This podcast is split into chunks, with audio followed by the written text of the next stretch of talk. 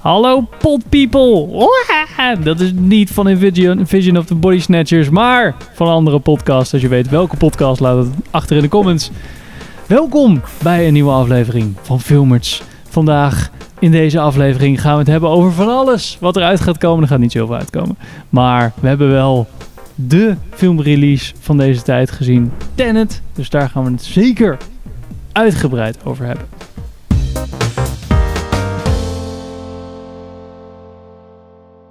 Welkom bij een nieuwe aflevering van Filmers. Ik ben Henk. Ik ben Pim. Ik ben Sander. En ik ben Richard. En met deze hele brave intro starten we podcast nummer 15. Nog steeds uit ons huis, maar still going strong. En we beginnen zoals altijd met een voorbeschouwing in samenwerking met Filmdomein. Of in ieder geval, Richard heeft wat titeltjes in een rijtje gezet. En die hebben we opgeschreven, zodat we ergens over kunnen lullen wat er Dat deze komende maand- uit gaan komen. En Pim, Oh, hit dit off. oh ja, oké. Eh, gaan we het hebben over hebben? vier natuurlijk voor september 2020. The New Mutants, The One and Only Ivan, The Devil All the Time en Enola Holmes. Dan beginnen we met The New Mutants, want die is het snelste uit. Ja, This isn't a hospital, it's a cage. New Mutants is een horror thriller dat zich afspeelt in een geïsoleerd ziekenhuis waar een groep jonge mutanten vastgehouden wordt voor psychiatrisch onderzoek. Wanneer er wel heel veel vreemde gebeurtenissen plaatsvinden, zullen zowel de nieuwe mutaties als de vriendschappen op de proef worden gesteld. Terwijl ze vechten om te overleven. Zo. Eh, de regie is van Spannend. Josh Boone, die heeft ook The Fault in Our Stars gedaan. Met Maisie Williams en Anya Taylor-Joy en Charlie Heaton. En hij komt uit op 2 september op in de In bios. De Op in de bios. Op Ja. de bios-schermen. Bios. Hm. Wie Eindelijk. had dat gedacht? Ja, Ja. eh, wie is al tien jaar, eh, tien jaar zijn ze ermee bezig of zo? Zo voelt het. Nou ja, je zegt het is wel, als je Macy Williams nu ziet in die film, dan denk je, toen was het echt nog een meisje. Ja, Toen was klopt, nog. Arya Stark in seizoen 2. Ja, precies. Nou, volgens mij wel echt letterlijk seizoen 5 of zo van Game of Thrones. Ja, hoe lang eh, is geleden. deze uitgesteld nu? Eh, twee jaar volgens mij nu. 2018 zou die uitkomen. Nou, nu is het een uitstekend moment natuurlijk om eh, een film in de bioscoop te brengen. Dus daar hebben ze goed op eh, gewacht. Ja, geen la- Ja, nu merk je het niet zoals het een flop is. Ja, last kunnen ze zeggen. Het lag aan corona. Ja. Ja, precies. Niet dat we een 5.6 op IMDb hebben en een 39 metascore. Wat? Nee. Oké, Nou, maar het hier, idee was wel grappig. Als in, we hebben nog geen horrorachtige superheldenfilm gehad. Behalve misschien, ehm hoe heet die film met Bruce Willis? Eh, ja, ja eh, eh, Unbreakable bedoel je? Circuit? Unbreakable.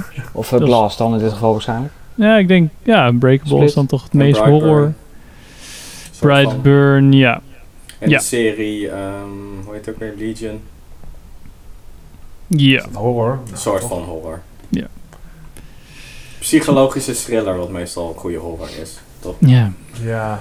Maar eh, we kijken hier allemaal Ja. keihard naar uit en we kunnen niet wachten tot hij in de bios is. Eh, hij is al Ja, in het de is bios. wel, Gaan we eh, echt heen, hè? Het is op Na zich wel deze sneu. opname gaan we meteen. Wat zei je? Na deze opname gaan we meteen, want hij is al een dag uit. Ja, zeker. Nou ja, ik vind het wel sneu. Het was op zich toen het natuurlijk voor het eerst aangekondigd werd, eh, 100 jaar geleden, het leek het op zich wel een leuk project. Een keer wat anders met de X-Men dan, eh, dan de standaard wat we al gezien hadden. Alleen ja, zo'n film natuurlijk in een dusdanig development hell belandt, waarbij de studio het niet ziet zitten en de regisseur het op een gegeven moment niet meer ziet zitten en iedereen maar aan die films gaat zitten knippen en plakken. Ja, dan Bij kan het ook eigenlijk niet meer zien zitten. Oh, dat werkt ook, eh, werkt ook met Suicide Squad. Niks aan de handje. Ja, dat is waar. Maar eh, nee, ja, het is gewoon zonde. Ik denk dat het idee was, eh, was hartstikke goed. Maar eh, ja, of ze studio, want dit is natuurlijk, de studio heeft het eh, tegengehouden. Die hebben het niet aangedurfd. Die denken van, dit is niet de film die we uit kunnen brengen. Ik weet niet dan wat voor een film dat dan is geweest. Misschien komt hij Ehm. nog op HBO. Te eng. Ja, of de, de Joss Boone cut misschien. Ja. Nu zijn allemaal dat, van dat soort alternatieve films die je eigenlijk in de bioscoop had willen zien. Ja. Ja, ik vind het wel, ik vind het wel jammer hoor, dat, hij, dat ik hoor dat hij tegenvalt. Kijk, ik moet natuurlijk altijd nog zelf eh, bepalen, maar ik vind het wel jammer. Ik ben dan niet zo'n horrorliefhebber, eh, maar dit leek me dan toen de tijd in ieder geval nog redelijk interessant. Maar ja, dat is eh, een beetje door hoe het nu... Nou, ja, toen nog wel, maar dan heb ik het natuurlijk over twee jaar geleden. Maar nu is dat natuurlijk een stuk minder. Ik vind het interessant dat je het idee van mensen met krachten in een andere film zet dan een soort van de saga. Hmm. Mm, Maar ja, gewoon de hele. Ja, hoe ze het hebben opgebouwd vind ik gewoon eigenlijk niet boeiend. Ik zat een beetje te denken van, vind ik het nou alleen niet zo boeiend omdat het een horror is en er een paar van die jumpscares in zitten, maar dat is misschien nog niet eens. Maar ik vind gewoon, ze hadden zoveel creatievere dingen ermee kunnen doen dan gewoon een beetje zo'n soort van standaard. Oh, we zitten in een inrichting. Oh nee, we zitten opgesloten. We worden beëxperimenteerd. Dat, ja. Het ruikt gewoon naar onorigineel storytelling.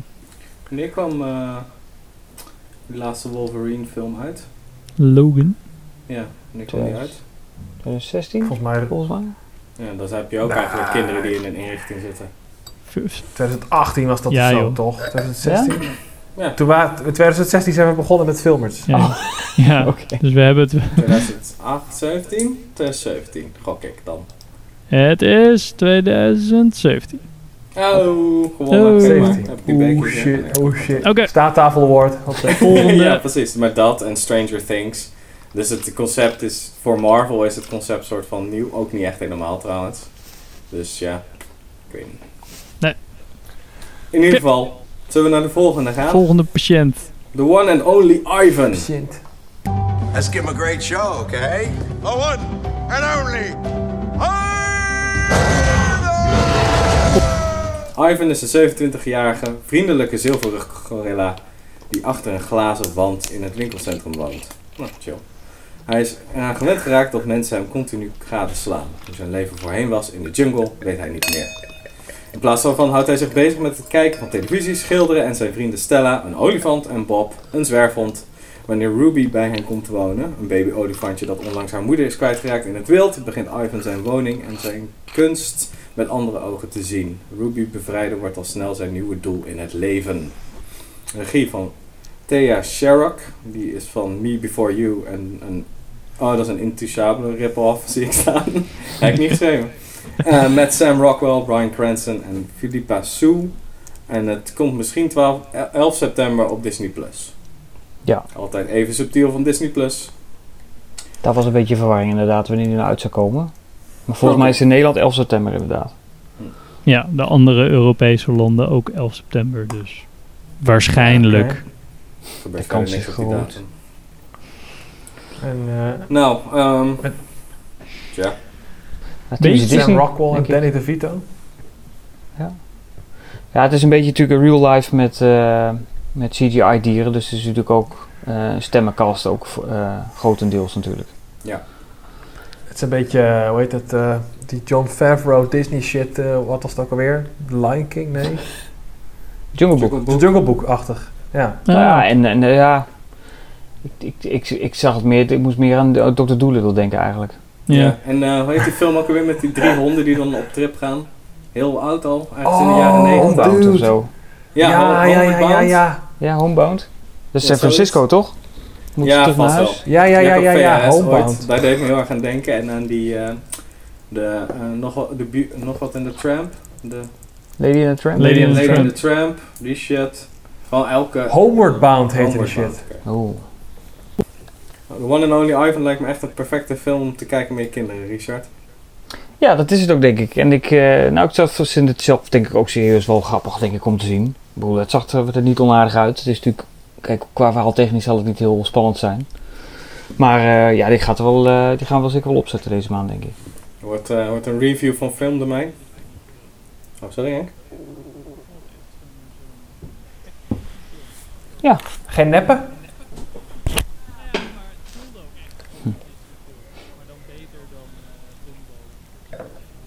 Oh Christ, dat hebben we ook nog gehad dit jaar. Of was dat alweer vorig jaar? Vorig jaar. Vorig jaar alweer. Man. Alle jaren zijn Nou. hetzelfde. Oké, verder eh, gaan we gewoon naar de volgende gaan. Yes. The Devil All the Time.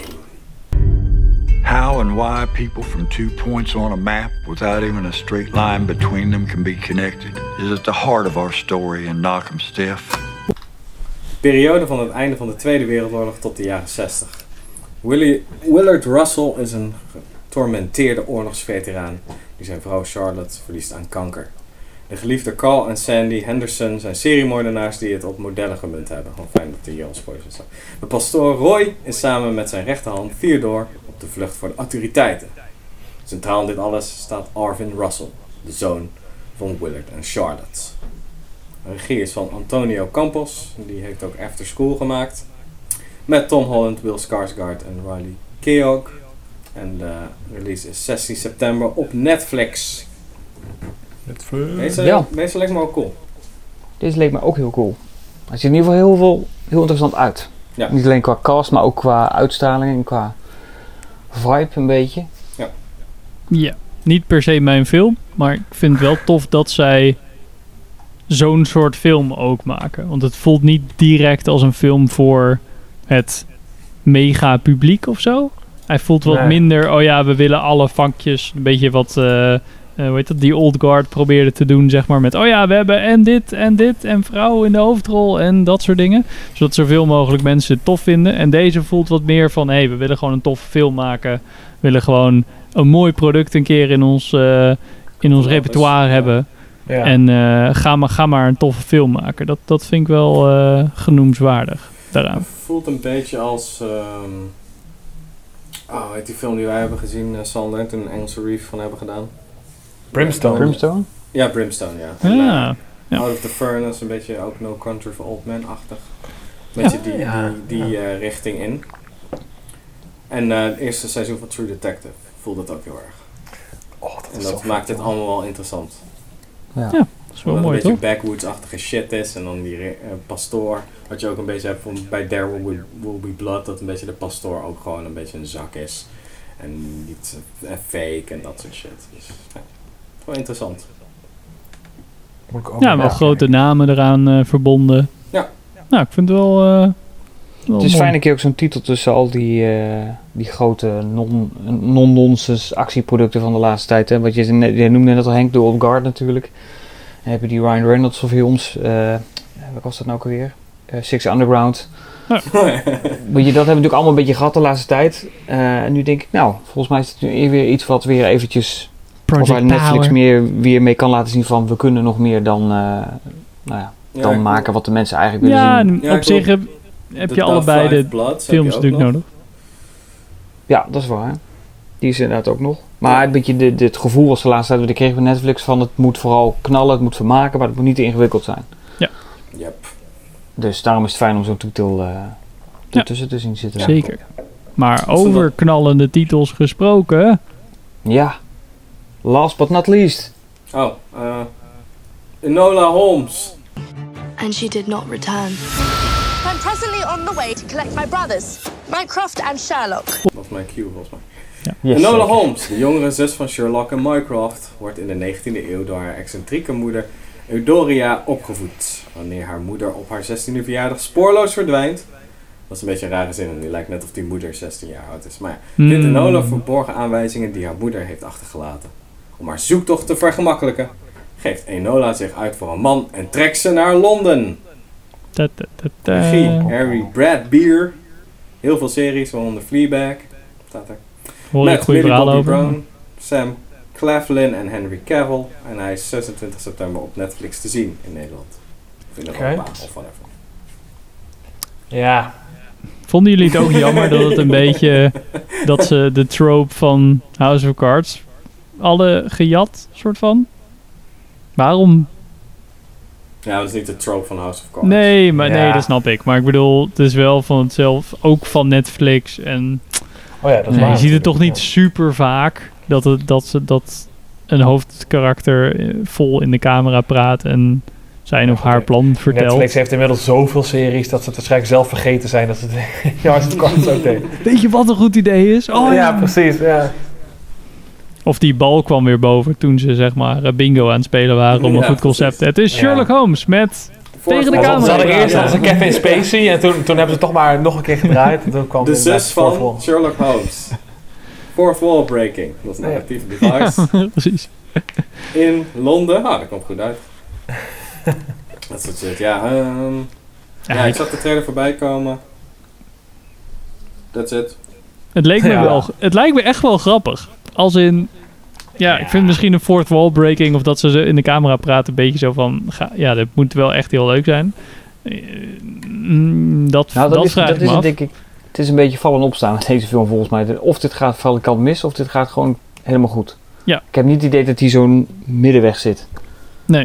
Ik vind het wel leuk dat ze ook zo'n period pi- piece dan doen, zeg maar. Hmm. Dat is ook niet super makkelijk. Het is niet zo van, oh ja, we gaan gewoon de straat op en eh, we filmen wat en daar maken we een film over.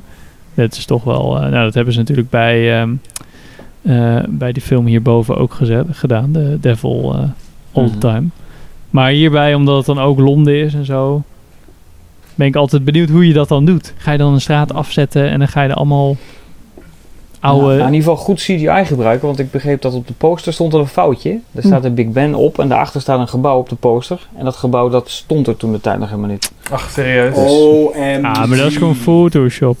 Ja, ik Ja, denk dat het vooral Photoshop. dat is wat ze ook bij eh, Sherlock Holmes van Guy Ritchie hebben gedaan. Gewoon een gedeelte, ja. twee straten maken en dan greenscreen. Niemand Ja. is zo psycho als Quentin Tarantino, gewoon hele straten namaken. En dan vervolgens alleen maar de voeten filmen. ja. ja, maar het is, alles wat onscherp is, is ook accuraat. Nou, dat Nou, is, ik, eh, eh, 18 1970s dirt is dat op die voeten. Ik denk dat ik nog wel, ook gewoon omdat het misschien een leuke soort van who done it verhaal gaat zijn, dat ik Enola Holmes wel bovenaan mijn lijstje van deze maand zou zetten. Ja? Oh, en voor mij is de enige die ik wil zien is The Devil All the Time. Ja, ik denk dat dat dan Ja. voor mij ook is, ja. Ja, ja ik ga voor drie. Nou, misschien wel voor vier. Ja. Nou, New Mutants misschien niet, maar Ga je niet het zou de enige zijn waarvan ik denk van die, eh, daar ga ik niet voor naar de bios. Maar eh, ja goed, de rest is natuurlijk gewoon lekker te streamen, dus dat is natuurlijk lekker makkelijk. Ga je niet de New Mutants review lezen op filmdomein.nl? Ga je dat Nee. daarvoor doen? Eh, nee, we hebben ook niemand is daar ook eh, naartoe. Niemand wil dus, daar ook. Boycotting. Nee, degene Dus ja. die hem ooit zou doen is al weg bij Filmdomein, twee jaar geleden. Dat klopt. Die, eh, die is wel geweest, maar die eh, is niet meer in dienst. Dus eh, die review zit er niet in. Ik hoorde trouwens wel dat in Amerika eh, eh, ook de film niet gereviewd werd. Omdat mensen niet naar de bioscoop wilden in verband met corona. De rece- rece- recensenten. Een Ja, boycott. dat Daar is heb je die excuus, eh, maar- cam-versies voor. hè? Ja, dat, dat, eh Ja. dat Ja, ja. ik ook altijd. Ja, nee, het is veel te, veel te gevaarlijk. Ja, dus ik eh, Ja. ik vond het een beetje zelf excuus. Maar ik, dat zou de enige zijn die, ja, die ik denk ik overstaan. De rest zal ik inderdaad wel zien. Lijkt me hartstikke leuk. Ik vind het, eh, voor mij is het best wel een goede maand. Vooral voor Netflix dan in ieder geval twee goede films. Nou, onze waarde is wel een beetje, onze, onze, ons level is wel een beetje gedaald dan, hè? Ja, ja, goed. Nog een paar dat is Netflix releases. Oh, prima. Ja, nou ja, twee waarvan we denken van nou, Ja, oké. Oké. oké. Nou, to hit it off, to hit de review eh, season off. Laten we het eh, gelijk hebben over de grootste Terminator release. 2 Judgment Ja. Day. Ik, ik bedoelde eigenlijk, Pim. Te Gaan we net. het eerst hebben over Tenet. Oh. All I have for you is a word. Tenet. Tenet, film van eh, Christopher Nolan, die we natuurlijk kennen van de Dark Knight trilogie en andere films over tijd, zoals Inception, Dunkirk, ehm, Interstellar. Stellar. Prestige. Deze film met eh, John Davis Washington, de zoon van. Eh, met ook Robert Patterson, Elizabeth uh, Debicki Dat en. Kenneth Branagh. Oh ja, ik kan hem vergeten. Ja, Hm. nu niet als eh, beroemde, eh, wat is het, Sherlock Detective. Holmes-achtige detective. Ja, Pim, in het kort. Oh, Waar ging eh, Tenet over? Zonder, te, zonder direct te spoilen. Zou ik gewoon de synopsis lezen? Nou, dat mag. John David Washington, de zoon van, hè, is de protagonist in Christopher Nolan's nieuwe film, de actietriller Tenet. Slechts gewapend met één woord, Tenet, moet de protagonist de wereld zien te redden van de ondergang. Oké, Ja. oké. Geeft Kort, niet heel veel weg. Ja toch? Maar zonder spoilers was dat. Nee, ja, ja, nee, ja, prima. Netjes. Dus eh, ja, moeten we kort zeggen wat we, wat, wat we ervan vonden zonder spoilers en daarna zeggen met spoilers. Dat soort chat? Of hoe doe Ja. dit? Laten we dat even doen. Eerst even onze... Als je hem nog niet gezien hebt, dan kan je dit stukje nog even luisteren of kijken. Weet je in ieder geval een beetje wat wij ervan vinden. Kun je hem zelf nog gaan checken. En daarna gaan we vol in de spoilers. Yes. En gaan we de hele film breken. Dus Sander, jouw paar zinnen Eh, over deze film. Mijn paar zinnen over de film. Nou, eh, Christopher Nolan film, dus ik was super hyped. Net als de meeste de- mensen, denk ik. Trailers zagen er goed uit. Ehm, wat kan ik erover zeggen? Ik vond het een leuke film. Ik heb me echt wel vermaakt in de bioscoop. Eh, dat gezegd hebbende, en ik denk dat dat ook wel de consensus in de groep is, dat eh, het is niet de, niet de beste film van Nolan. Eh, het gaat weer over tijd en ja, je merkt wel dat, eh, ja, weet je, dit is de zoveelste film waar hij een trucje met tijd doet. En dat op zich, ja, het voelt niet, het voelt niet dat nieuw aan of zo. Eh, en, eh, ja, ik, ik, vond het, ik vond het heel leuk om, om even naar te kijken, maar je moet niet te, te, te diep erover nadenken. Want dan kan je de gaten Nee, in prikken. Zoals bij de meeste Nolan films overigens. Volgens mij, als je er te diep over nadenkt, dan ontdek je dat heel veel voor mij niet klopt. Nou ja, dat is het dus een beetje, ja. Valt een beetje uit elkaar inderdaad. Ja, Richard, wel een jij was wel eh, positief. Nou ja, god, positief. Eh, ik heb er zelf wel eh, wat is positief. het, 3,5 ster aan gehangen. Dus nou, ja, hoe positief wil je het hebben voor Nolan film. Maar ja, hoeveel? positief. Kijk, het is natuurlijk... Wat zeg je? geef je meestal? Vijf, toch? Ja, 5 in totaal. Dus dan kom je ongeveer op een 7, zo'n beetje uit 7, 7,5. Als je het in cijfers uitdrukt. Ja, weet je, dat is, het is ook een beetje wat Sander zegt. Het is een trucje. En eh, dat hebben we nou, denk ik, zit een beetje het punt van, dat weten we nu, dat hebben we nu gezien. En dan heeft hij dat waarschijnlijk zichzelf ook gerealiseerd dat hij dacht, ik doe er een schepje bovenop. En dat hij zich in dat schepje bovenop zichzelf een beetje verslikt heeft. Dat daardoor alles niet helemaal lekker loopt. En kijk, het feit dat een van de eh eh, castmembers ook al zegt van, ja, je moet het eigenlijk niet willen begrijpen. Tegen die protagonist ook zegt, dat zegt eigenlijk ook al een beetje tegen de kijker van, denk er niet te veel over na, want anders merk je dat de dingen niet kloppen. Ja, het is, het is een interessante film. Kijk, voor actie valt er weinig te klagen. Dat heeft hij goed gedaan. Ehm, alleen ja, de dingen die dan een verrassing zouden moeten zijn, eh, daar kunnen we het straks natuurlijk wel over hebben. Eh, maar jullie weten vast waar ik op doel. Daar hebben we het na de film natuurlijk ook over gehad. Ja, dat zijn dingen die zie je in ieder geval nu eh, wat makkelijker aankomen. En dat haalt toch een stukje beleving weg, denk ik. Neem niet weg dat het nog steeds een heel vermakelijk film is. Een bombastische actie. Waar die natuurlijk om, eh, onbekend staat. En daar was natuurlijk helemaal niks mis mee. Ehm, hoewel je kunt afvragen wat de meerwaarde is om echt de Boeing een hangar in te laten Spoilers. vliegen in plaats van een CGI. Nee, dat heeft het nieuws. Het is nieuws geweest, hè, dus dat mag Ah, oké. Maar ehm, ja, het is geen slechte film. Maar op een gegeven ik heb het gevoel alsof je wat meer verwacht of zo van een Nolan film. Ja, dat heel erg, ja.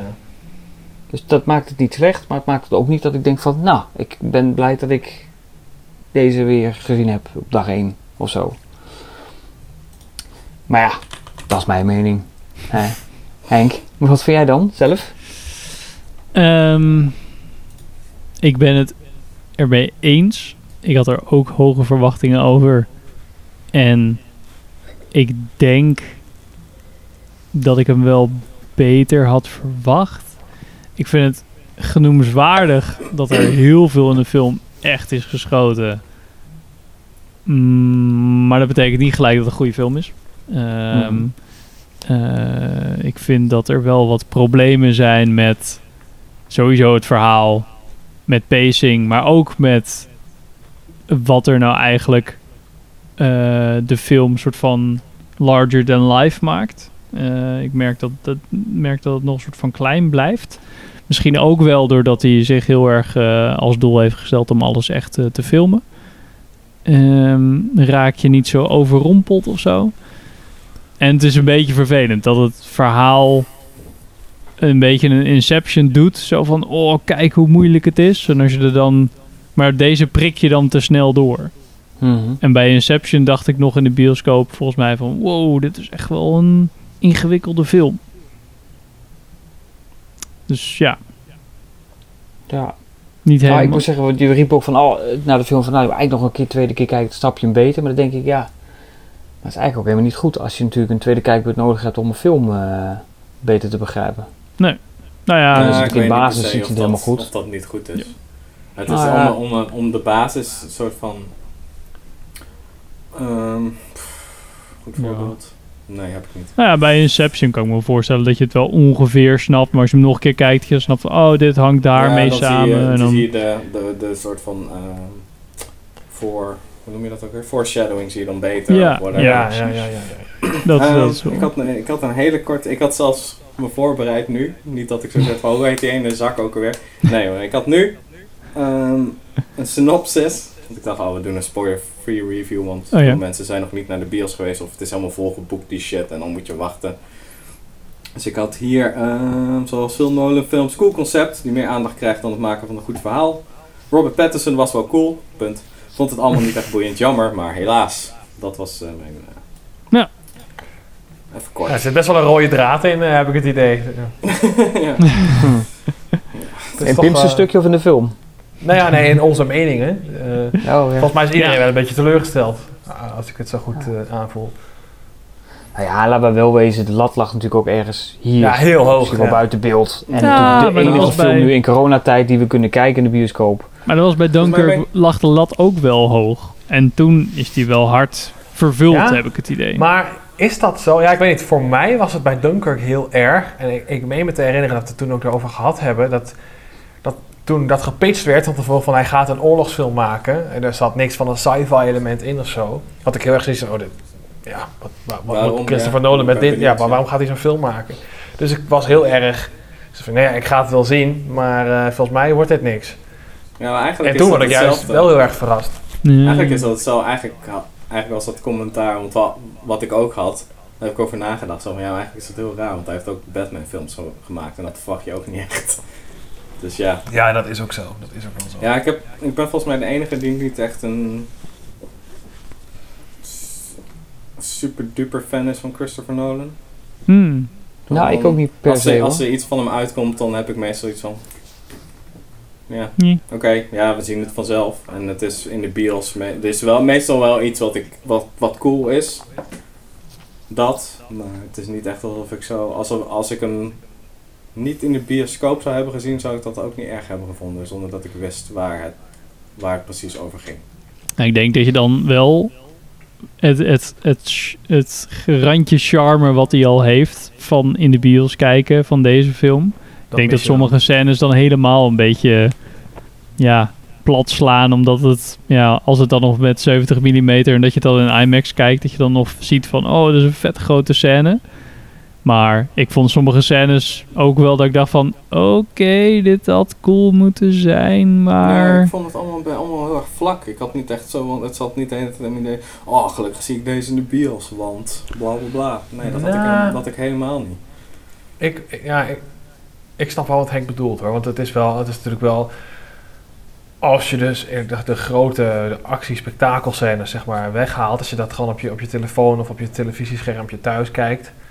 Ehm, dan hou je dus inderdaad alleen maar wat er verhaal technisch overblijft. En dat is gewoon niet zo Ja, heel veel. precies. Ja, dus, eh, maar dat vind ik echt met alle Christopher Nolan films. Ik had het er laatst nog over met iemand. Dunkirk vond ik heel vet in de bioscoop. Maar die zou ik nooit denken van... Oh, ik ga die thuis even kijken. Want dan blijft er gewoon niks over. Daar gebeurt qua, verhaal is die film flinterdun. Ja. Ja. Ja. Eh, voor mij was het met deze film ook dat er niet echt een emotioneel aspect in zat. Nee. Ja, hij kan Kijk, gewoon bij- geen personages, eh, personages bij hem zijn. De enige waarbij hij het soort van goed heeft gedaan, zelf, zonder vooropgezet verhaal zoals bij bijvoorbeeld eh, Batman, Mhm. is, vind ik, eh, Interstellar was een goed stuk. Daar zat een Mhm. diep stuk in. Maar vooral omdat hij dan de truc van tijd kon gebruiken om zijn karakter heel snel op te bouwen. Oh nee, ik mis 23 jaar van mijn kinderen. En Matthew McConaughey redt die hele fucking scène. Dat is echt vet. Ik Oh, met laatst dat hij eh, die dat webcam gewoon- gaat... dat- eh, ja, dat hij gewoon al die soort van eh, audio of die videologs gaat kijken. En dat hij dan gewoon helemaal een soort van instort. Zo van, Ja, dit dat heb ik, mooi, ja. ik heb twee minuten te laat is 30 jaar te laat, weet je wel. Ik moet wel bekennen dat ik volgens mij en Interstellar en Dunkirk maar één keer gezien heb. Gewoon in de bios. En Ik heb Ja, eens ik- in de bios gezien. Interstellar. Interstellar niet? Oh, dat is Nee. echt... Oh, die heb ik drie keer in de bios gezien. ik zit wel te denken van Ja, de kijk, grote... In deze film zit dan volgens mij geen miniaturen of iets dergelijks. Ze hebben echt praktisch alles echt geschoten.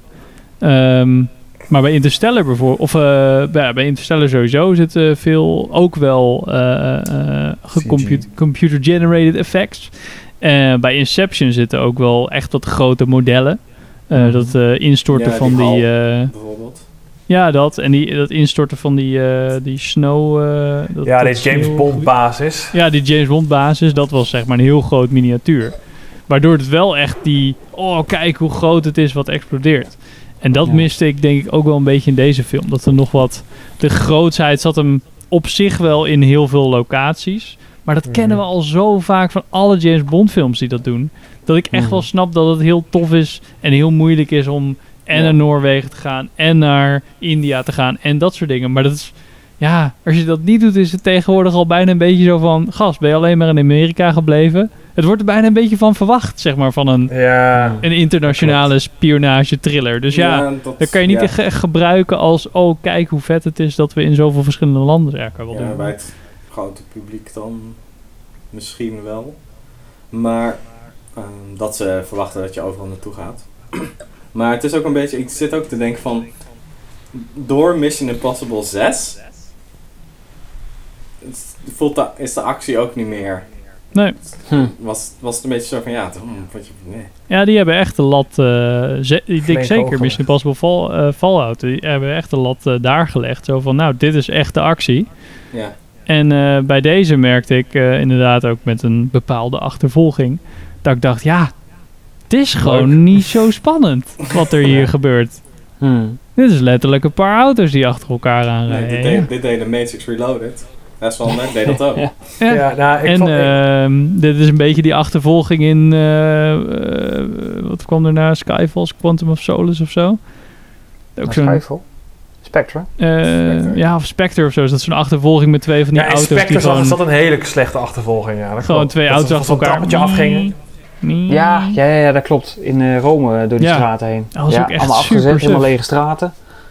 Rome, dik toeristische stad, s'nachts, s'avonds niks te doen. Ja, wat Ja. ik wel vind, is dat bij, ja, bij deze film dat eigenlijk de opbouw naar zo'n scène is altijd tien keer vetter dan daadwerkelijk de actie zelf. Dus bijvoorbeeld bij die achtervolging, dat je dan langzaam, dat al die auto's bij elkaar komen en zo, en dan, dan kikt die muziek op een gegeven moment in en dan denk je, oké, nu gaat wat gebeuren, wat gaan ze doen? En dat is dan, weet je, dan ben je helemaal hyped. En dan gebeurt het daadwerkelijk en denk je, oh, is dit het? Het is, Dus ja, dat het had ik heel erg. Het is wel allemaal trailermateriaal. Zo, oh, Ja. en dan. ja, ja. Nee. Maar oké, ehm, we vinden het allemaal een beetje meh, allemaal.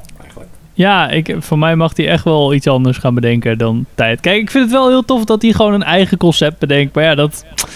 Zeg maar, ik zat er ook over na te denken van... Ja, is dat dan vet? Ja, dat is ook vet. Dat hij gewoon zijn eigen verhaal kan vertellen. En dat hij zo'n... een- Ja, hij kan ook echt wel filmen, zeg maar. En eh, onze Hoyte van Hoytema, die heeft ook echt wel... Een goede stijl neergezet. Het ziet er ook echt wel prima uit, zeg maar. Het ziet er gewoon uit alsof het niet belicht is, maar het is wel belicht, zeg maar. Dat is echt wel een toffe... Ja, waardoor het allemaal wat echter aanvoelt, zeg maar. Maar dat kennen we allemaal. Ja, wat, eh, Ja. zei ik ook alweer? Dat eh, Christopher Nolan leest dan iets cools in een folder en dan denkt hij, ah, dan ga ik een hele film over maken. Dus nu had hij over palindromen, had hij daar, een, had hij daar wat over geze- Ja, ja. eh, gelezen. Ja, oh, vet, ja, dat is, dat is, dat is cool. Of, dat Ja, ik voelde ook dromen halve- dromen halverwege dat het concept van tijd, zeg maar, wat er in deze film zit, zat ik ook van, ja, maar zo cool is dit. Allemaal best wel Wat ik nu gezien heb, is niet super cool. Maar, en misschien gaat er nog wat komen. En dat viel een beetje tegen. Maar Ja, ik zat te wachten Ja. op de reveal, maar die had ik al in mijn hoofd ongeveer een kwartier erin. Zo van, oh ja, oké. Ja. dit is het. Ja, oké. Gaan, we al, gaan we al in de spoilers of niet? Oké, ja. Laten Gaan we nu nu, spoilers doen? Oké. nu in de spoilers doen we even ons ouderwetse spoiler eh dingetje Ja, Kunnen we eindelijk over Hm. alles praten wat we willen. Ja. Ja, Nou, want ik zat, dus te vra- ik zat me dus af te vragen met betrekking tot die climax. Van of het dan misschien nog tof was geweest dat je dan. eh, dat, dat het einde ook weer bij die opera plaats zou vinden of zoiets dergelijks. Ja, dat zou cool zijn geweest. Maar dat is Ja. een soort van halfbakken reveal van, oh kijk, hij heeft een rood draadje aan zijn rugzak. Dus dat is... hmm. Ja, ik dacht nog dat hij misschien de dude was die ze tegen waren gekomen. Ja, maar dat was Neil. Ja. Dus dat is je. Ja, in het begin met wist- dit rode draadje. Ja, dat klopt. Ja, Het jammer is dat er heel veel, of in ieder geval er zitten echt wel een aantal plans in de film. Zo van, kijk, je ziet iets, en dit gaat terugkomen. Alleen Mhm. dat het terug ging komen was zo obvious dat je dacht, Hmm. oh ja, oh ja, die vrouw gaat terug naar die boot, maar eigenlijk gaat ze nu net weg. Ja, dan zal ze straks wel van die boot afspringen, want dat heb ik al gezien. Ja, Ja. dat Ja. snap ik ook wel. Oh, Ja, dat is, eh, eh, die eh, John Davis eh, Washington, die rent die kant op. Oh ja, dan zal hij wel met zichzelf gevochten hebben. Ja, ja, ja, dat laat maar zien. Oké. dat was zo Ja. vervelend. Dat was, ik zat naast Sander. Ik zei, oké, dat is hem. Ja, ja, Oh, ja, dat, dat, is, dat is dat is dat dat was vrij snel inderdaad. Ja, Dat is dat. en dan... Oh ja, er komt een grijze auto langs. Oh, hij stapt nu in een grijze auto. Nou, dan zijn ze hem dus net tegengekomen. Ja. Ja. Dat zeggen ze ook zo van, en dan ook hoe ze dat soort van weg proberen uit te leggen. Ja, dat is de grandfather paradox. Dus eigenlijk is het al gebeurd, want anders zou het niet gebeurd zijn. Dus oké, Ja. dus je hebt geen agency. Dus, dat, daar zit geen, dus je verslaat meteen alle stakes allemaal plat. En het is ook zo van, ja, er komt allemaal eh lui uit de toekomst willen dan dit doen. En als hij, hij wil dan zelf kiezen wanneer hij doodgaat. Maar als dat zo is, komen al die dingen bij elkaar en dan gebeurt er iets ergs. Maar dat zie je nooit. Dus het is allemaal een soort van, in theorie, Ja. is het een dreiging. En daar had eh, van Interstellar had ook zoiets. Maar die, die trok het dan wel een soort van naar het hoofdpersonage toe. Van ja, eigenlijk die wezens die, eh, die ons met ons communiceren, die dat vormgat hebben gemaakt, bla bla bla. Maar dan komt hij nog in de vierde dimensie en bla bla bla en dat soort shit. Dus dan, dan werkt het wel, want dan knoopt het zich weer zelf vast. Maar hier zit je eigenlijk gewoon met een half uur ongeveer. Wat eigenlijk alleen een opbouw is naar. Oh ja, nu snap je ongeveer soort van wie de personages zijn. En er zitten een aantal Easter eggs in, maar het knoopt nooit weer vast aan het soort van Hmm. begin van de film. Nee. Ja, misschien heel even van, oh ja, dus dat ro- letterlijk de rode draad is, is fysiek in die film. Want anders, Ja. dat is zo onsubtiel is die hele fucking film. Het is echt, echt ik, toen ik zat, zat ik echt zo te kijken, oh mijn god. Ik zat de hele tijd al in mijn hoofd. al, Waarom, wat is er met Christopher Nolan een soort van, waarom vind ik die films nooit zo boeiend? Want het is eigenlijk, en toen dacht ik, oh, het is eigenlijk de hele tijd hetzelfde truc. Het zijn mannen in pakken die praten over hele ingewikkelde shit die eigenlijk niet ingewikkeld is. En dan probeert hij soort van een, de tijd te verdraaien, of het heel veel dingen op elkaar te stapelen achter elkaar. Waardoor het lijkt alsof het complex is, maar het is eigenlijk flinterdun. Toen, En- en, tijdens die Ah. film zat ik zo van, kut. En zie- random, random gun folter of zo. Gewoon Ja. opeens.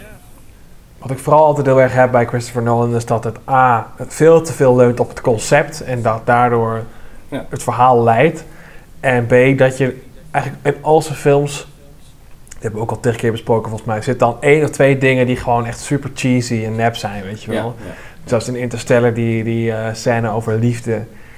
En Ja, gewoon je hele ook wel, eh, personage van, eh, van Anne Hathaway. En die is ook vervelend in de Batman films. En dan krijg je ook nog die... eh, eh, Oh ja, zij was Talia. Kyle, hè? Holy shit, ja, ja. en dan is, is ook nog, heb je ook nog Talia al Ghul, wat een vervelend personage is, die op het laatste moment Ja. aan is geplakt. En dat heb je Ja. ook met Two-Face. Wat volgens mij Oh, waar die- mensen niet moeten wel tof eens zijn.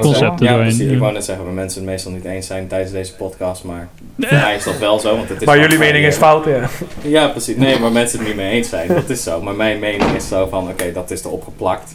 Dan hier alsjeblieft. We Ja. moeten wat, we moeten een soort van de premise soort van goed maken. En Batman Begins is dat ook. Want dan denk je eerst, oké, Cillian Murphy is dan ehm, die gast met de eh, Scarecrow. Maar, oh nee, nee, nee, eh, Liam Neeson komt ook terug. Oh. Oh, Oh. oké. Vond ik vet cool. dan heb je Scarecrow. Kan je eindelijk wat van maken. En dan wordt hij getased op een paard. Dat is zijn hele karakterontwikkeling. Oh ja, en hij komt terug in de laatste Batman als een, eh, de, de soort van judge van de, van de nieuwe... Ja. Oh ja. Rijk. Oh, ik heb die film zo lang niet meer gezien. Ik weet dat niet eens meer, joh. Ik vond het eh, begin van de film van Tenet erg tof. Misschien wel het tofste van de film. Ja, die opera shit, ja. Die opera shit was Ja, erg cool. klopt. Alleen dat die toen zijn tanden eruit werden getrokken. En toen volgende scène. Nou, we hebben trouwens even je tanden gereconstrueerd. Ja, hallo. Ja, dat, dat kan dan ook een super duper easter egg zijn, hè, natuurlijk. Dat het wel een echte cyanidepil is. En ze hebben gewoon in zo'n, in zo'n tijdreis ding geflikkerd en toen weer teruggedraaid. En zo, ja, we hebben je tanden gefixt. Maar eigenlijk heeft hij die, zijn zijn tanden nooit getrokken. Dat soort shit, weet je wel. Dat Ja. altijd. Want het was een soort van oh, super obvious, niet obvious sign dat twee treinen die reden zo heen en weer. Ja, die reden zo, ja. In die scène. Dan zit je al zo, Toen zat ik wel zo van, oh ja, dit ligt er niet fucking dik bovenop. Bedankt, Christopher Nolan. Hij zit tussenin twee tijden, snap je? Ja, precies. Snap Hij je? gaat terug en vooruit en terug en vooruit. En daardoor kon hij ook... Wat ik wel slim vond, is daardoor kon hij dat tandentrekken kon hij soort van censureren. Ja. Maar het, Ja. is, eh, het is allemaal gebaseerd op zo'n maar nou, zo'n tableau met palindromen die bestaat. Sator rood als opera, Arepo Tenet. En dan Tenet in het midden. Dus daar sloegen al die dingen op. Want ik zat zo van, oh ja, eh Rotas en Sator. Dat is dus een palindroom van, oké, dat is dus de bad guy. En dat is zijn bedrijf. En dan heb je opera en had je die, dat ze zeiden, yo, die vervalser Arepo. En zat de hele tijd, Arepo, ja, dan moet het dan terugkomen. Maar nee, dat is letterlijk gewoon de naam die ook op dat tablet staat. En daar had hij geen goed verhaal voor. Dus dat smekte hij maar daar erin. En ik zat daar zo van, oké, oké, oké. Ja, ik vond dus het vliegtuig in die, eh, in die luchthaven, dat hij er doorheen vloog, echt zo van, Ja. oké, is goed. Maar dat is wat niet de impact, zeg maar, dat was net zoals Hmm. wat Sander net zei, van de aanduiding van, oh, we gaan een vliegtuig crashen. En dat Robert Pattinson zo zat van, ja, nee, niet zo dramatisch. We gaan gewoon, terwijl hij aan taxi is. En toen het gebeurde, dacht ik, Ja, Oké. ja. Ik was me vooral meer aan het afvragen van, zou dit dan wel een model zijn geweest? Want dat had ik eigenlijk niet heel erg erg gevonden. Maar Nee. ik denk dat het wel echt was. Maar het was echt nee, het was zo'n, echt. alsof er een boot een, een dok opvoer. En dan gewoon, ja, oké, Oh nee, de pier. Speed 2. Het Ik probleem net is met dat Speed 2 gevoel, ja. ja, Maar die was, nog, dat was nog interessant, want toen ging er bijna een hondje dood. Met dat soort actiescènes is het ook gewoon. Er moet wel een, er moet iets zijn in die scène waardoor het spannend is. Het is niet gewoon, oh ja, dat is een explosie. Maar je maakt je. De, de probleem, je, maakt je, je moet je zorgen maken om de mensen om die explosie heen. Ja. Dat is het ding. Zo, je kan, daarom is Mission Impossible Fallout zo tof. Omdat je echt de hele tijd zegt, ja, maar dat is fucking Tom Cruise aan dat vliegtuig Ja, of zo. Weet je wel, dat soort shit. Ja. De- de- hij moet ergens op tijd zijn en er gebeurt allemaal shit onderweg. Dat is, maar hier is dat niet zo. Hier is het zo van, oh ja, we moeten eigenlijk, ehm, ja, wat, we- wat moeten we doen? Oh ja, vliegtuig in, een, eh, in zo'n vault, oké. Want ja, anders eh, zuurstof shit. Ja, ze hadden ook dat- gewoon een ja. dikke C4-bom, zeg maar, op de zijkant van het gebouw kunnen plakken en dan een explosie kunnen veroorzaken. Ja, hetzelfde effect. Dat was precies hetzelfde geweest, Ja, behalve... dan, had je, dan, had je, dan kan je nog, waar kan je nog zeggen? Ik, ga, ik verdedig gewoon Christopher Nolan. Ja. Dan, ga je gewoon, dan kan je nog zeggen, oh het is een terroristische aanslag, dus er komt allemaal politie en shit bij. En nu lijkt het nog op een ongeluk. Ja, ja, ja. Ja, dat was volgens mij in de film ook inderdaad. eh, ja. Ja, zo het moet, wel, ding. moet niet meteen allemaal politie hebben Nou ja, bij ja, het dat strengst wel, maar- ding. En ze moeten door airport security. Dat was de hele reden. Maar ja, ik had wel gelijk toen ik het zag, dacht ik, ja, ik ben een beetje underwhelmed door wat er hier gebeurt. Terwijl ik wel een echt vliegtuig door een gebouw zie crashen, denk ik nog steeds, nee.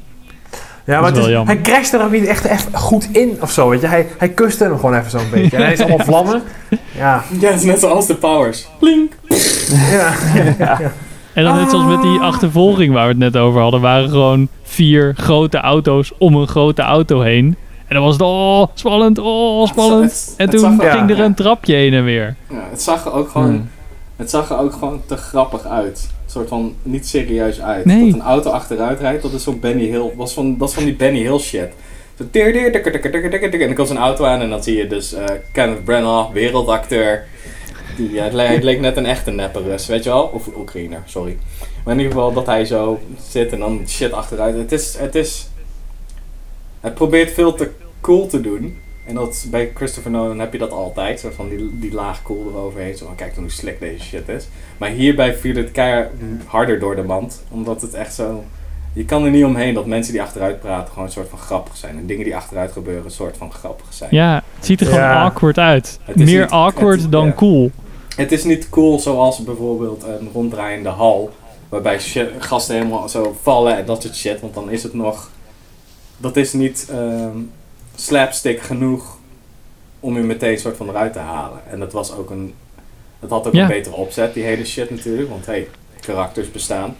En dat personage heette niet letterlijk de protagonist. Maar Oké.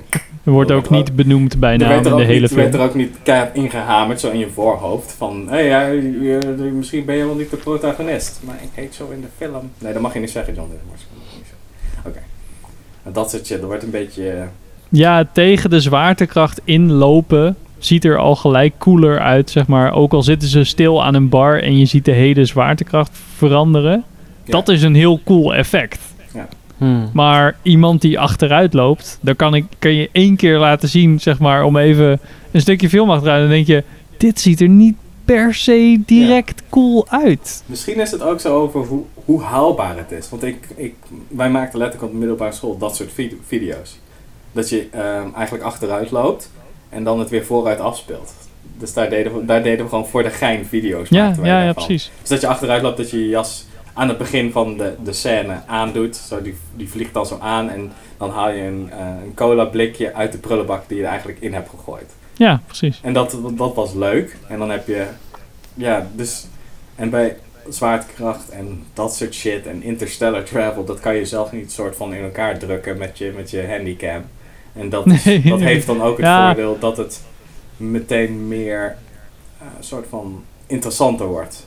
Bij Interstellar was het misschien nog vooral de set design. Maar dat is twee keer eigenlijk. En bij, bij, nou ja, bij Incep- Inception is eigenlijk ook hele goede product, product designer, zeg maar. Die, of hoe heet dat? Ja, Eh, ja, ja. Production design. production design. Als in die hal die kan draaien en dat soort dingen. Gewoon hele Ja. grote gimbals.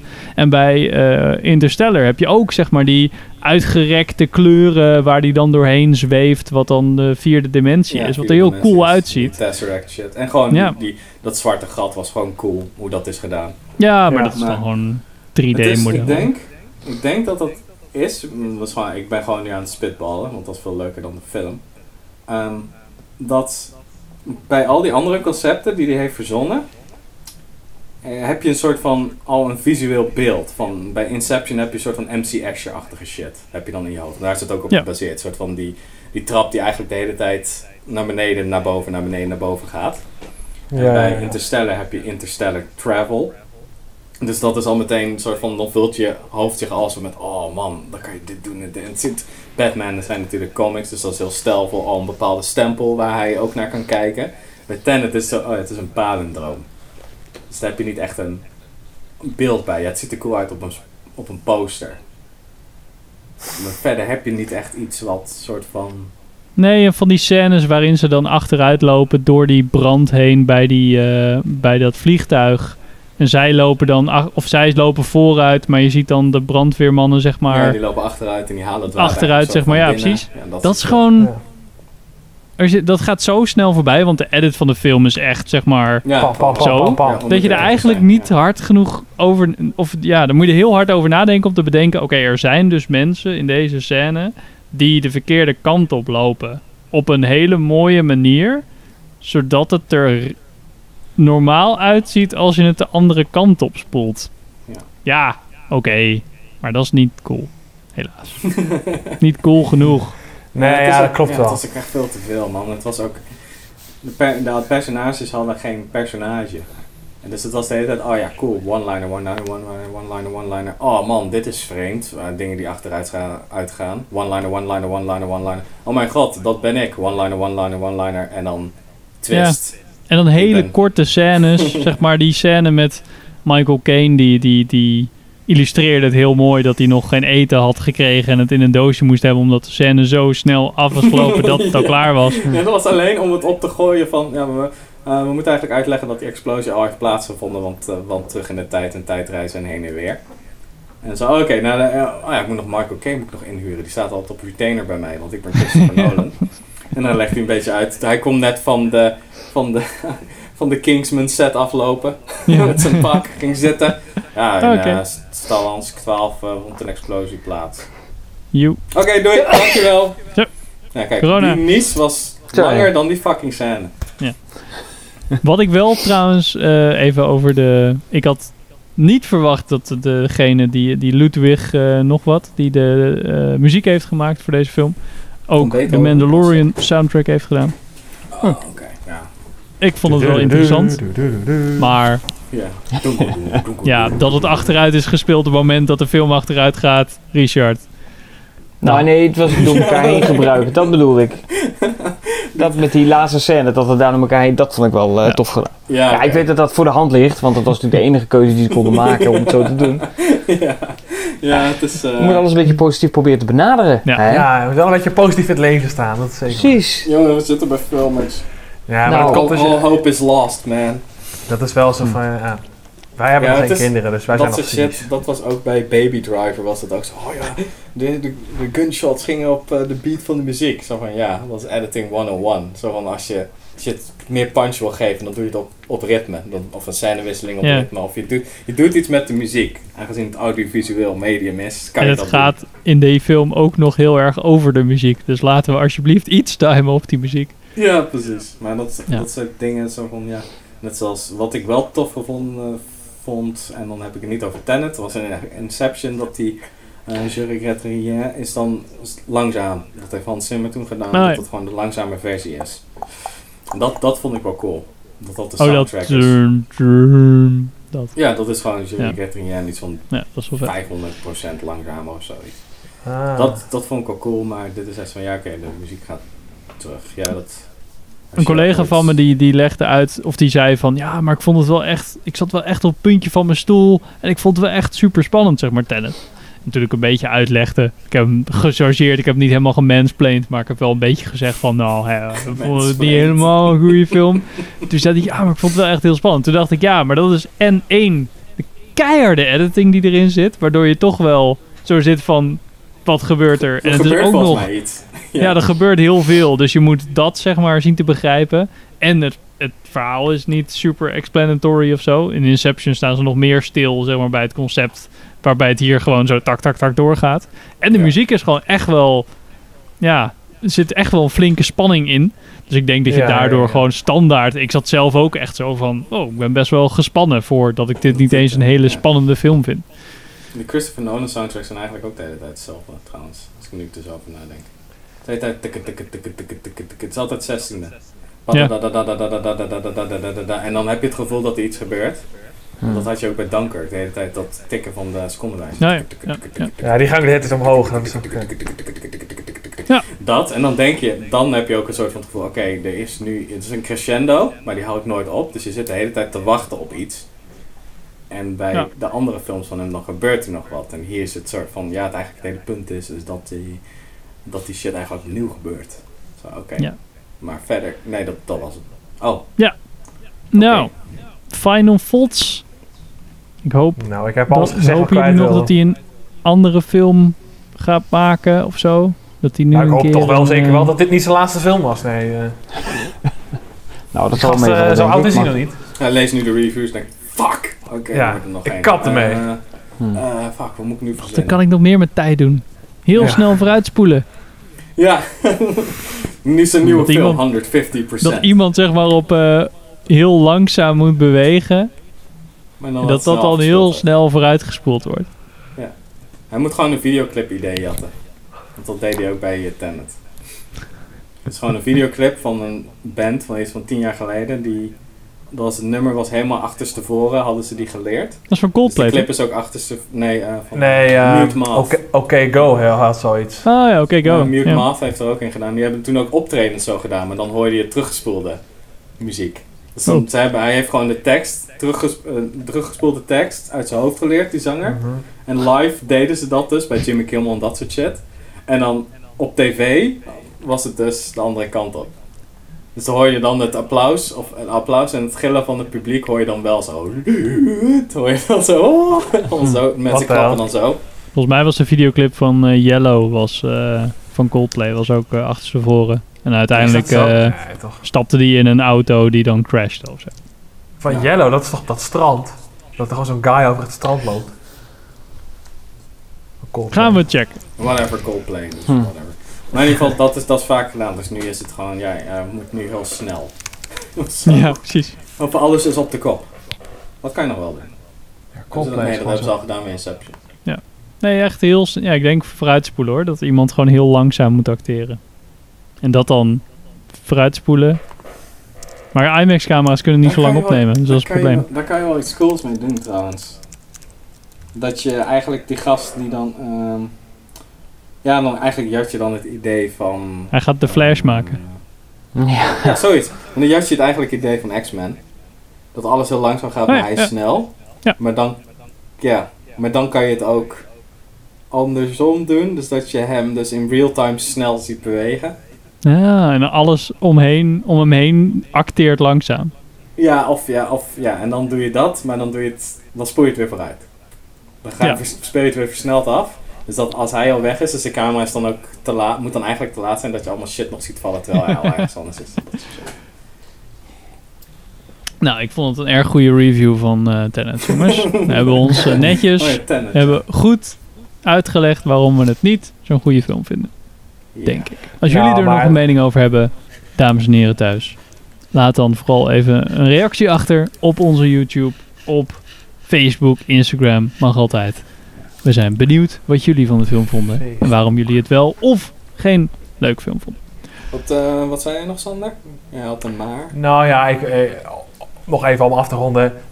Ja, we hebben er kritiek op. Het is geen perfecte film, maar aan het einde van de dag vond ik het nog steeds wel gewoon een vermakelijke twee uur of wat, wat het ook was. Dus dat wil ik nog wel even gezegd hebben. Het was niet allemaal kut of zo. Nee. Nee, maar dat is ook niet kut. Het valt alleen gewoon een beetje tegen. Dan het maakt het nog niet- geen slechte film. Nou. Ja, Pim vond het allemaal altijd- kut. Waarom ben ik altijd een negatieve zak? Godverdomme, ik vond zit je gewoon een negatieve zak bent. hè? ja, dat is waar. Nee, ik vond ik het ben- niet leuk. Ik kon, ik ik- kon niet wachten tot het afgelopen was. Ik ben misschien meer eens met Pim, Oh! omdat ik vind dat het weinig hebben van films in de bioscoop geen reden moet zijn tot, oh ja, dit vind ik een leuke film, want ik had toch niks anders te kijken. En nu zit Mag ik ik dat wel hier. zeggen dan? En hij heeft Nee, wel zijn best gedaan. Nou ja, nee, maar... Zeg maar. Nee, als, het is- als er ik- geen corona was nee, geweest, was ja. het ook wel naartoe gegaan. Hier, eh, de kritiek van Sander en Richard was: oké, het is. Zij vinden. Ik ga nu woorden in je mond leggen, maar je kan Dank je. vergeten. Zij vinden dat het. Een, het is wel nog een vermakelijke film, maar het is geen goede, geen goede Christopher Nolan film, om het zo maar te zeggen. Mhm. Dus dat, maar daar ben ik het niet mee eens, maar ik vond het gewoon geen goede film. Ja, maar jij vindt eigenlijk iedere Nolan film niet heel goed. Nou, wel. Jawel, ik vond, eh, ik vond The Dark Knight vond ik cool. Ja, oké, maar goed, dan net heb je de rest ook... eh, Nee, er is altijd wel iets ne- negatiefs wat je niet cool vindt. maar het is nog, dat maakt er nog eens. Interstellar is nog steeds. Als je, dat, dat is nog Hmm. steeds wel een toffe film. ja. Dunkirk Ja, vond ik ook dat- heel erg vermakelijk. Ook al heb ik hem Hmm. nooit meer een tweede keer gezien. En sommige scènes van The Dark Knight Rises vond ik vet. Ik vond Insomnia, daar heb ik weer zin in om te zien. En ik vind The Prestige, vind ik echt gewoon een goede film. Dat vind ik gewoon, Memento en The Prestige zijn oprecht gewoon een goede film. Ik vind Prestige wel echt zijn, zijn beste werk, inderdaad. Dat, eh, Grappig. Dat hij zo laag beoordeeld wordt. Ja, Altijd. slecht beoordeelde film. Ja. Ja, Mensen, mensen snappen het gewoon niet. Dat, weet je, mensen snappen Je gewoon moet, niet wat eh, het je moet is. 400, Nou. eh, 400 IQ hebben voor om deze film te begrijpen. Ja, Net precies. Je moet een IQ van 180 Net hebben. als om Rick and te Morty, filmen. ja. Jongen. Ik las nog op eh, de Pathé Facebook dat mensen hadden gezegd... Nou, halverwege ben ik naar de McDonald's gegaan, want ik snapte deze film echt niet. Oh mijn god. Ja, maar dat, soort- dat soort fucking paupers, dat is echt... Oké, Ja, Oké, laten we- laten we snel door, Genoeg, genoeg, word ik alleen maar depressief. Oké. Volgende film. Wij hebben nog... En wat het leukste vind ik... Wat ik het leukste Ook hier aan vind is dat. Sander... Ook over tijdreizen. Precies. De theme van deze maand. Maar Sander had hem nog nooit in de bioscoop gezien. Ja. Terminator Ja, maar Judgment Day uit 1991. Who sent you? You did. 35 years from now, you reprogrammed me to be your protector here. Moeten we even zeggen, Sander had überhaupt nog niet Terminator en Terminator 2 gezien. Nog nooit een Terminator film gezien, nee. Dus ik heb, Oh, heb- je één ook niet 1991. dus ik heb Nee. smiddags nog even snel deel 1 gekeken. Eigenlijk Ik zo... je één gewoon je even doen met een klassieke film, hem even snel kijken. Oh, Ja, nou ja, het was dat Gewoon- of niet. Dus ja. Oké. Maar je had hem al gezien moeten hebben. Tenet, je, hebt hem eigenlijk, je had hem eigenlijk al gezien, maar toen nog niet, of zoiets. Het is eigenlijk Oh, al ja. gebeurd, maar niet wel. Heftig, heftig dit. Oké, wacht even. De, de, de, even de introductie. Film van James Cameron, die we kennen van Titanic, Avatar en, en The Terminator. Eh, met Arnold Schwarzenegger, eh, Linda Hamilton en Robert Patrick, die de bad guy speelt. En onze boy, eh, hoe heet hij ook alweer? Ehm, Oh, sorry, ik ben die gast vergeten. Nee, ehm eh, John Connor. Die John Connor Ja. speelt. Zeg maar. tah. Ik heb, hem gewoon, ik heb hem gewoon hier. Nee. Kom Maar zeg het dan. Furlong, nee. Ja, Robert Furlong. Nee, Edward. Edward, Edward Furlong? Furlong. Edward Furlong. Ja, guys, even serieus. Who cares? Oké, eh, de film gaat over Pim. Ah, Oh, je hebt geen synopsis bijgezet? Nee. Kijk. Oké, het gaat eh, het vervolg op de eerste Terminator. Dus eh, ik weet niet hoeveel jaar na de eerste... Ik denk ongeveer 12 jaar na de eerste Terminator. Worden 13. de- 13 jaar? Oh, Volgens mij las ik dat ergens. Ja, volgens mij Nee, eh, John Connor... De film is voor mij ongeveer- 86, of- nee 50. Nee, maar in de film, Ja, zeg maar. Oh, sorry. Ja, John Connor zal iets van 13 zijn, 13, 14. Een beetje een zak. Dus, oké. Een irritante kind. Ehm 13 jaar na de gebeurtenis van de eerste Terminator is John Connor geboren. En, eh, maar hij zit bij een pleeggezin omdat eh, Sarah Connor eigenlijk gewoon heel slim was om het allemaal te vertellen dat de, de wereld eindigt en dat soort shit. Die zit opgesloten. En eh, er worden weer, er wordt nu, worden nu twee Terminators teruggestuurd naar het verleden om John Connor om te leggen. En een van die oude Terminator modellen is door de toekomstige John Connor omgebouwd om zijn jonge John Connor versie te beschermen tegen een nieuwe gevaarlijke Terminator. Gespeeld door Robert Patrick. En hilarity ensues. Wat een leuke manier om... Om tijdreizen te doen. Nou ja, en nee, Oh, ja, ik, ik wilde ze voornamelijk zeggen om hetgene wat ze in, in de Terminator, zeg maar, denk ik, vroeger mensen het tofst vonden, zeg maar Arnold Schwarzenegger, dat je die dan terug laat komen, maar dan wel op een andere manier. Ja, dan is hij nu de, go- de good guy. Ja, dat vind ik echt Ja, wel dat was de tof twist dat ze dat gedaan hebben. Ja, en dat is dan meteen, de hele coole premise van die eerste twee is meteen verpest door de rest van de Terminator films. Dat wel. Zelfs de meest recente. Nou ja, goed, die ga ik dus niet kijken dan. Nee, moet je ook niet doen. Maar, Sander, ik niet van plan. Ja, wat ik ervan vond. Ja. Ja, nou ja, goed. Ik denk, kijk, er is natuurlijk een reden dat ik die films nog nooit gezien heb. En dat is gewoon dat die, die. Smaak had. Ja, ja, ook dat. Dat voorop. En ook dat jaren 80, jaren 90 van die van jaren, ja, actiefilms uit die tijd. Ja, dat, ik heb daar gewoon niet zoveel mee, weet je. Eh, en dat, ja, dat zijn dit, dit wel. Dat zijn gewoon echt van die actiefilms. Ja, En- het is... Het genre dicteert niet de, de soort van of het een klassieker is of niet. Ja, het zijn jaren 80 actiefilms. Ja, oh, nou ja, nee, maar daar, jaren je, 60 je, weet wel, wat- je ik weet wel wat ik bedoel. Er zijn een aantal classics uit die, die tijd. Eh, Lethal Weapon, Die Hard, eh, nou, Terminator, weet je, dat soort films. Ja, dat zijn gewoon, ja, dat, dat trekt mij gewoon totaal niet. Dus als ik, als ik denk van, oh, laat ik eens een klassieker opzetten, dan zet ik niet zoveel op, want dat vind ik gewoon geen reet aan. Dat weet je niet, want je hebt het nog nooit gezien. dus deze ja, precies, vond ik weet echt wel een beetje welk type films ik wel en niet leuk vind, eh, gast. Ik bedoel, Maar ik ga deze vond je naar, eh, aan. Even, Don't judge a book by its cover. Ja, ik vind, dat vind ik echt gelul. Dat vind ik echt gelul. Hoeveel films gaan wij wel niet, niet heen, omdat we gewoon al weten dat, we, dat het kut is? twee. Nee, je ging Nee, toch ook veel. Dumbo? Toen zag je toch ook aan dat het kut was? Nou, maar dat, dat is gewoon nostalgie. Dat wil ik gewoon zien. Oh. Maar, de grote muis. Nou, anyway. Ehm, ja, ik vond het wel lachen. Zeker om het in de bioscoop te zien. Maar het is nou niet een film die ik eh, denk ik ooit nog een keer ga kijken. Ja, maar wat nu denk ik ook het probleem is bij jou, Sander, dat jij nu die film in 2020 ziet en daar het stukje impact mist van 1991. Want Ja. laat wel wezen, wat je toen zag, dat hadden we toen nog nooit gezien. Ja, maar goed, in 1991 eh, was ik min 4. Dus de, Nou, Ja, precies. Dat is, daar kun je niet zoveel aan doen, nou, maar... daar ben ik het niet mee eens, Richard. Nou, dat weet ik niet. Er zit nog wel een nee, redelijk ik weet, dat, ik weet hoor. zeker dat ik het er niet mee eens ben. dat weet ik Vertel. nou, vertel. Nee, gewoon dat het... Ik was er niet mee eens dat je zo van, oké, je mist de impact. Omdat het toen in 1991 helemaal de shit was. Maar ik heb hem ook niet gezien in 1991. Ik had Ja. Jurassic Park. Ja. Jurassic Park heeft het ook niet nodig om Nee. de impact van vroeger, om het nog steeds een goede film te maken. Net zoals zeker Jaws, bijvoorbeeld. 2001 Nou, maar- Space Odyssey Ja, heeft dat goed, ook niet ik, ik, nodig. ik, ik, ik, ik, ik, ik spreek ook zeker niet tegen dat het geen goede film is. Het is gewoon geen film voor mij. Dat is het gewoon. Ja.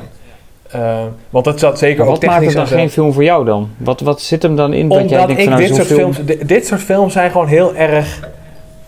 eh, Maar wat maakt het dan dit soort films? Het gaat...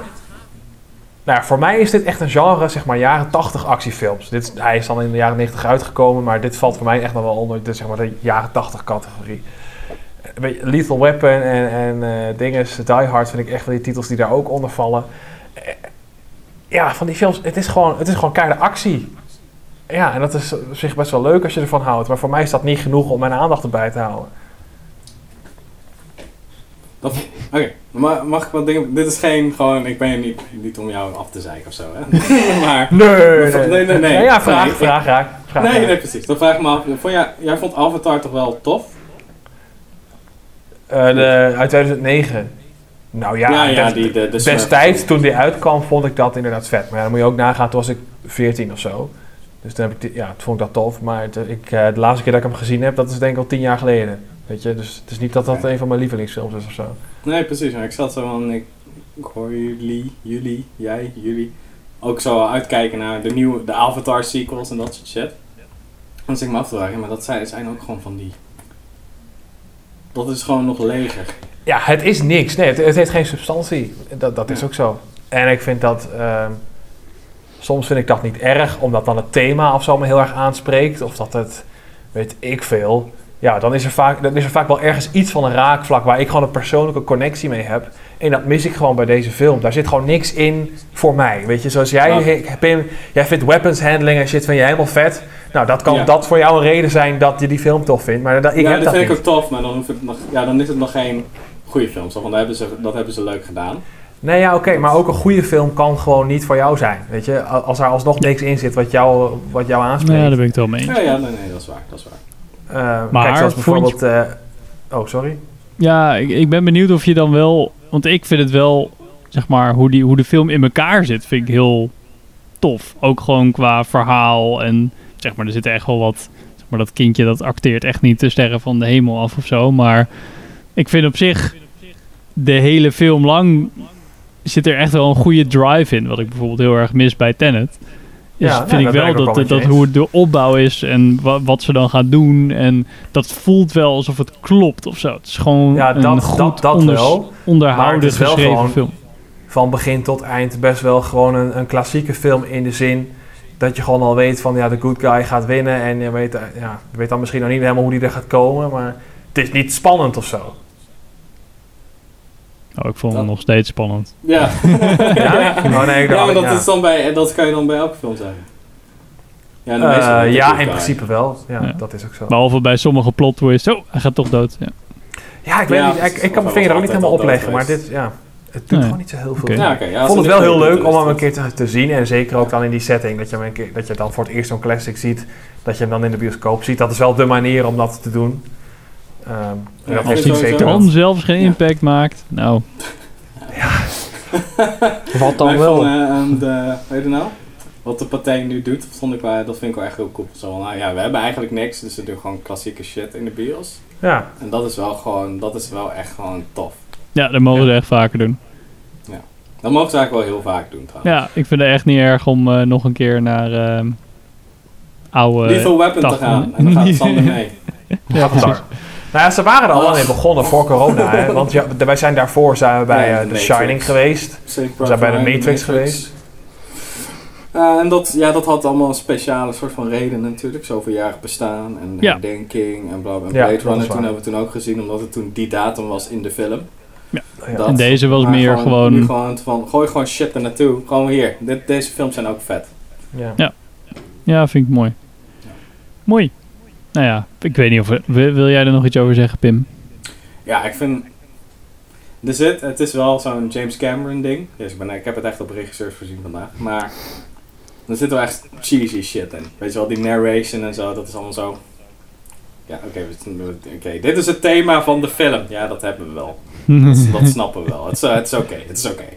Dat soort dingen, er zitten wel van die James Cameron dingen in. Dat het heel veel, heel soort van cheesy wordt zo. Zo'n laagje cheese krijg je Mhm. ervan. En dan gaat het weer dat soort shit. Maar het is gewoon, het blijft. Ook al is het uit 1991, is het nog steeds gewoon een toffe film. En ook gewoon, ik vond het ook grappig dat we nu gewoon zagen dat er gewoon stuntmannen ja. John Connor was opeens een hele kleine soort van Palestijnse dude, zo zag hij eruit. Zo'n Israëlische Joodse dude, zo in een auto heel eventjes. Dat soort shit, dat, dat maakt het dan, dat heeft dan een soort van extra laag charme van, oké, Ja. dat is gewoon leuk om te zien. Want ik vond verder de hele, want het was eigenlijk een 3D versie van de film, die ze dan weer terug hebben geconverteerd. ja, Dat we zijn weer full circle. eh. Ja, ja, het is echt zo. ja, maar deze 3D, eh, deze 3D-productie is door bla bla bla, is dat geregeld of zo, zijn we aan het begin. Wel Ja. zo. Ja, hoezo? 3D. Huh? hè? Niemand had een Er stond brilletje. ook Terminator, Terminator 2, 3D, dat soort shit. Maar toen was zeker van James Cameron was al aan het spelen met die technologie natuurlijk. En dat vond ik wel, eh, vond ik wel grappig. En gewoon hoe het is afgescaled, dan kan je wel zien dat, het, dat de film echt super relaxed is daarmee. Het zag er echt gewoon goed uit. En ik vind het hele thema, vond ik gewoon echt heel vet. En dan maakt het eigenlijk nog erger dat al de vervolgen daarop daar gewoon keihard hun reet mee afvegen. dat soort shit. Hmm. Want Terminator 2 is gewoon het einde. Dat is het gewoon. Het is gewoon klaar. Dat, dat is het hele idee van die film. Van, de, kijk, we, we, hebben een, iedereen, we hebben een lot en iedereen... Mijn moeder gaat er helemaal aan onderdoor. Dus we moeten eigenlijk kosten wat kost dat lot veranderen. En dat gebeurt dan aan het einde. Zo van tegen heel erg veel soort van... eh, dat vergt heel erg veel eh, eigen opofferingen. Maar we kunnen daar komen. En iedereen offert zich op voor een soort van goed einde die ze niet kunnen zien. En dan, en dan in de, de, de derde, de onofficiële derde, de officiële onofficiële derde, de laatste. Ik weet niet meer hoe die heet. Terminator... Fate. Nog wat? Fate of the Furious Terminator. Dark Fate. Dark Fate? Dark Fate, ja. Dark Fate, Dan is ja. het gewoon zo van, oh ja, ja, dat hele thema, nee, stop dat. Spoilers. Ik heb hem niet Dat gezien. soort shit. Zo van, ja, eh, wat? Dus ja, dat is, het is jammer dat er meer vervolgen zijn, maar dan kan je van meer dingen zeggen natuurlijk. Maar Ja. ja ik vond het echt gewoon, ik vond het wel weer tof. Het blijft gewoon een toffe film. Ja, kijk, weet je wat natuurlijk ook met die vervolgen blijft, is dat je eigenlijk dingen die toen de tijd niet te doen waren met CGI, dus dat werd zoals die oorlog bijvoorbeeld, die is natuurlijk nooit in beeld gebracht. Je ziet voor mij één shot geloof ik dat die, eh is voor mij tijd geleden, die, die, in die, deze versie op zich. ja, maar je ziet die schommel volgens mij voep wegvliegen Ja. en nog iets geloof ik. En je maar hebt de technical en tech- ruimteschepen en vet Ja, grote maar- robots. Boel, en dat vullen ze natuurlijk allemaal in die latere films, vullen ze dat veel meer in. En dan zijn natuurlijk wel, je hebt natuurlijk als kijker daar bepaalde gedachten bij, waardoor die film zo vet is, terwijl dat nooit echt fysiek is ingevuld. Visueel Ja. is ingevuld. En als dat natuurlijk nu in één keer voor jou ingevuld wordt, dan denk je, ja, maar zo had ik het niet in mijn hoofd. Zo op deze manier. Tenminste, dat had ik heel erg. Dat was vooral bij Salvation, die, eh, met Christian Bale, die eh, Terminator film. Ja, die liet echt die, die hele oorlog zien, hè, dat met die slaven, noem het dan op. dacht ik, ja, maar dat, ja, zo had ik me dat toch niet voorgesteld. Nou, Dat, was nog meer wel het de probleem dat ik had met. Ik had gewoon zo van, ja, ze, Terminator 2 is gewoon, oké, het gebeurt nu niet meer. De Skynet gebeurt nooit meer. Dus Hmm. er, is helemaal geen, er komt geen oorlog meer. Dat is het hele ding.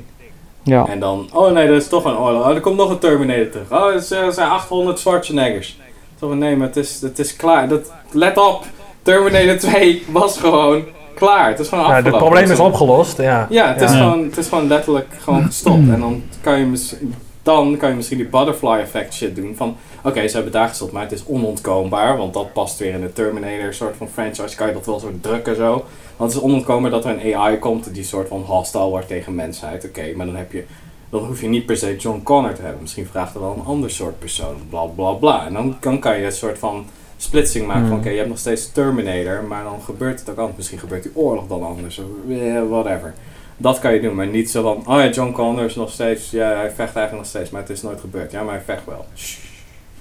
Oh en, hebben we, en we hebben een nieuwe soort Terminator en dan, dan is John Connor, dat is het einde van Salvation, is hij krijgt dan een robothart. Dus hij is niet meer zo bevooroordeeld tegen robots die de mensheid willen vernietigen. Zo, oh, Ja. goeie les, bedankt. Ik snap wel waarom Christian Bale tegen die lichtman schreeuwde, man. Zo eens op film spelen. Die gast volg ik trouwens op Facebook, daar had ik niet eens door. Die gast die het licht deed, in de film, waar tegen geschreeuwd werd, Shane ja. is dat. Ja, die volg ik gewoon, want die heeft hele vette soort van, ja, dit, zo hebben we het belicht in ehm The Babysitter, weet je wel. Dat is zo'n Netflix film of een soort van direct-to-DVD film of zoiets.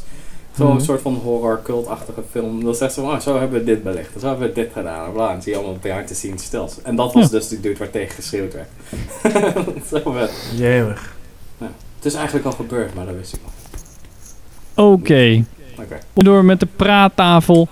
We gaan weer op de, ik wil Op zeggen oude- ouderwetse oude- manier doen. Maar we gaan het doen manier. op de nieuwe manier. Als in, we kiezen van elkaars lijstje waar we het over gaan hebben. En dan doen we een paar keer. Een paar titels. We gaan niet Ja. alles behandelen wat we gezien hebben. Drie keer Maar- toch? Of, Sander, Moeten we Rochambeau doen? mag ik Oh ja. kiezen? prima. We gaan Rochambeau doen. Rock, paper, scissors. Ja? Leuk voor- Rochambeau! Ah, t- oh. Allemaal zitten. Rochambeau! Eh dan, Pim. Ik versla Ja. jullie Pim. en Ja. Henk verslaat mij, maar... Oh ja, ik versla jou. Ja, Oh, dus dit werkt helemaal niet met z'n vieren. Nee, weet ik. Sander, begin jij maar gewoon. Mag ik kiezen? Oké. Ja. Ja, ja. van wie Even mag kijken. je kiezen, maar dan houden we die volgorde dan wel. Dan eh, kies ik bij, eh, bij, bij Pim, want die staat onder mij. Ehm, Event Horizon, dat klinkt wel cool. Where's she been for the last seven years, Doctor? That's what we're here to find out. Oh ja, Oeh. classic. Nu we het toch over classics gaan hebben. Die heb ik heel lang geleden gezien. Oh, even een premise trouwens. Eh, in de toekomst, in de toekomst, toekomst, heeft een eh, hele goede, awesome wetenschapper heeft een, eh, een ruimteschip ontworpen die dus eh, sneller dan het licht kan, maar niet op de manier dat hij echt letterlijk sneller dan het licht gaat, maar dat hij Mhm. eigenlijk tijd en ruimte vouwt, zo, tot één punt, en dan zo, zo er doorheen gaat, zodat hij eigenlijk de twee dingen bij elkaar, eh, eigenlijk tijd en ruimte bij elkaar vouwt, zodat hij vet snel naar een ander punt kan. Dat is toch letterlijk een wormhole, of niet? Ja, zo, hij maakt een fake wormhole. Is dat. Interstellar? Zo legt ze dat uit in de, in de film. Oké. Dat wordt vaker gebruikt trouwens. Letterlijk ook de, het samenvouwen van papiertje en potlood erheen, potlood er doorheen drukken. Het zit ook in een andere film. Maar eh, dat zit volgens mij in The Martian of in Interstellar. Interstellar. Interstellar, Martian Ja, is precies. geen... eh, Daar hebben ze het van gejat. Nolan. Dus, ehm, dat. Maar dat ruimteschip verdwijnt. Tijdens de lancering verdwijnt dat ruimteschip. En dan ongeveer iets van... Zo tig jaar later, 20 jaar later of zoiets. Ja. Verschijnt dat ding opeens weer. Gewoon ergens op een random ass plek. Na 20 jaar echt gewoon verdwenen te zijn. En dan wordt er een salvage crew op afgestuurd samen met Sam Neill, die dat ding heeft ontworpen.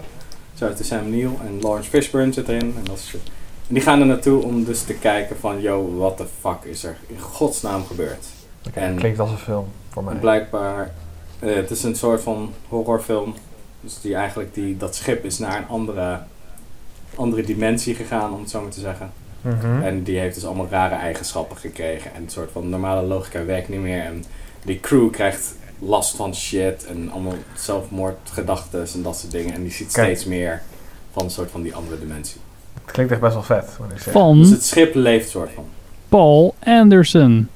Ja, die eigenlijk nooit meer een goede film heeft gemaakt. Nee.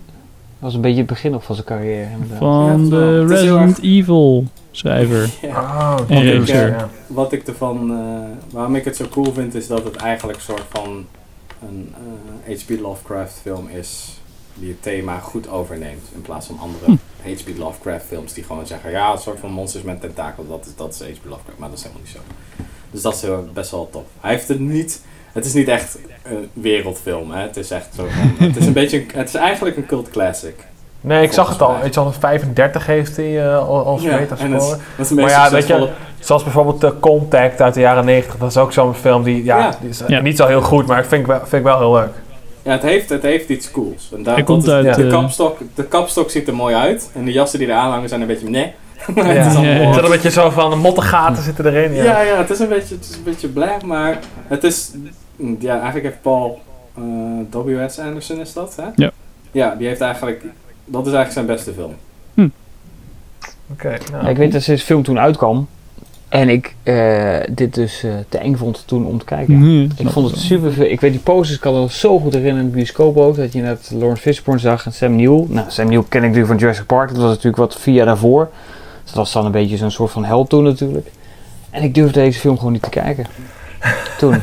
Terwijl ik me heel vet leek, maar ik dacht, dit, dit, dit trek ik niet. Ik was, toen was ik eh 14 dan zo'n beetje, Ik 15. heb hem volgens mij eh, ook... Ja, Ja. toen ik redelijk jong was, heb ik hem ook gezien. Ik vond het echt, ik vond het echt cool. Ja, dat kan me wel voorstellen.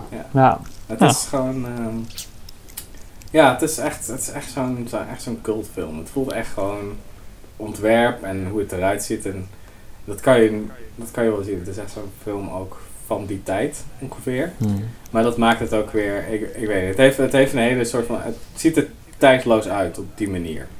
Het ziet er wel een beetje geïnspired door van die... Is het dan Alien 2 of zo? Waarin ze dan eh, weer teruggaan naar dat ruimteschip?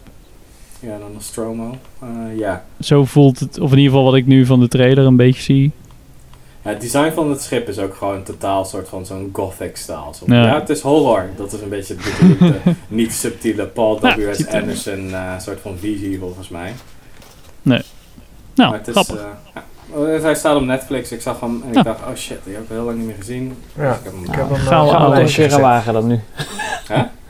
Zeg, ga het nu toch een keer proberen dan. Ja, Misschien durf ik het nu wel. zo eng is die niet. Nee, maar ja, toen was het horror, horror in space of zo. Zo werd het, zo werd het voor mij ook echt gebracht. Ja, precies. Ja, daar moest ik ook niks van weten. Infinite space, infinite terror. Ja, precies. Dat ja. Terror. Hm. Oké, oh, nu mag ik kiezen, hè? Bij Ja. wie ga ik, eh, wie Ja. ga ik kiezen? Ik, zou, ik kies gewoon bij Henk. Ik kies ehm A Star is Born. Oh! Ik wil voor Project Power gaan, maar dat is mijn... Eh, ja, A Star is Born. Ehm, staat op Netflix. Ehm, is natuurlijk ook eh, Oscar-winnaar van eh, in 2019, volgens mij.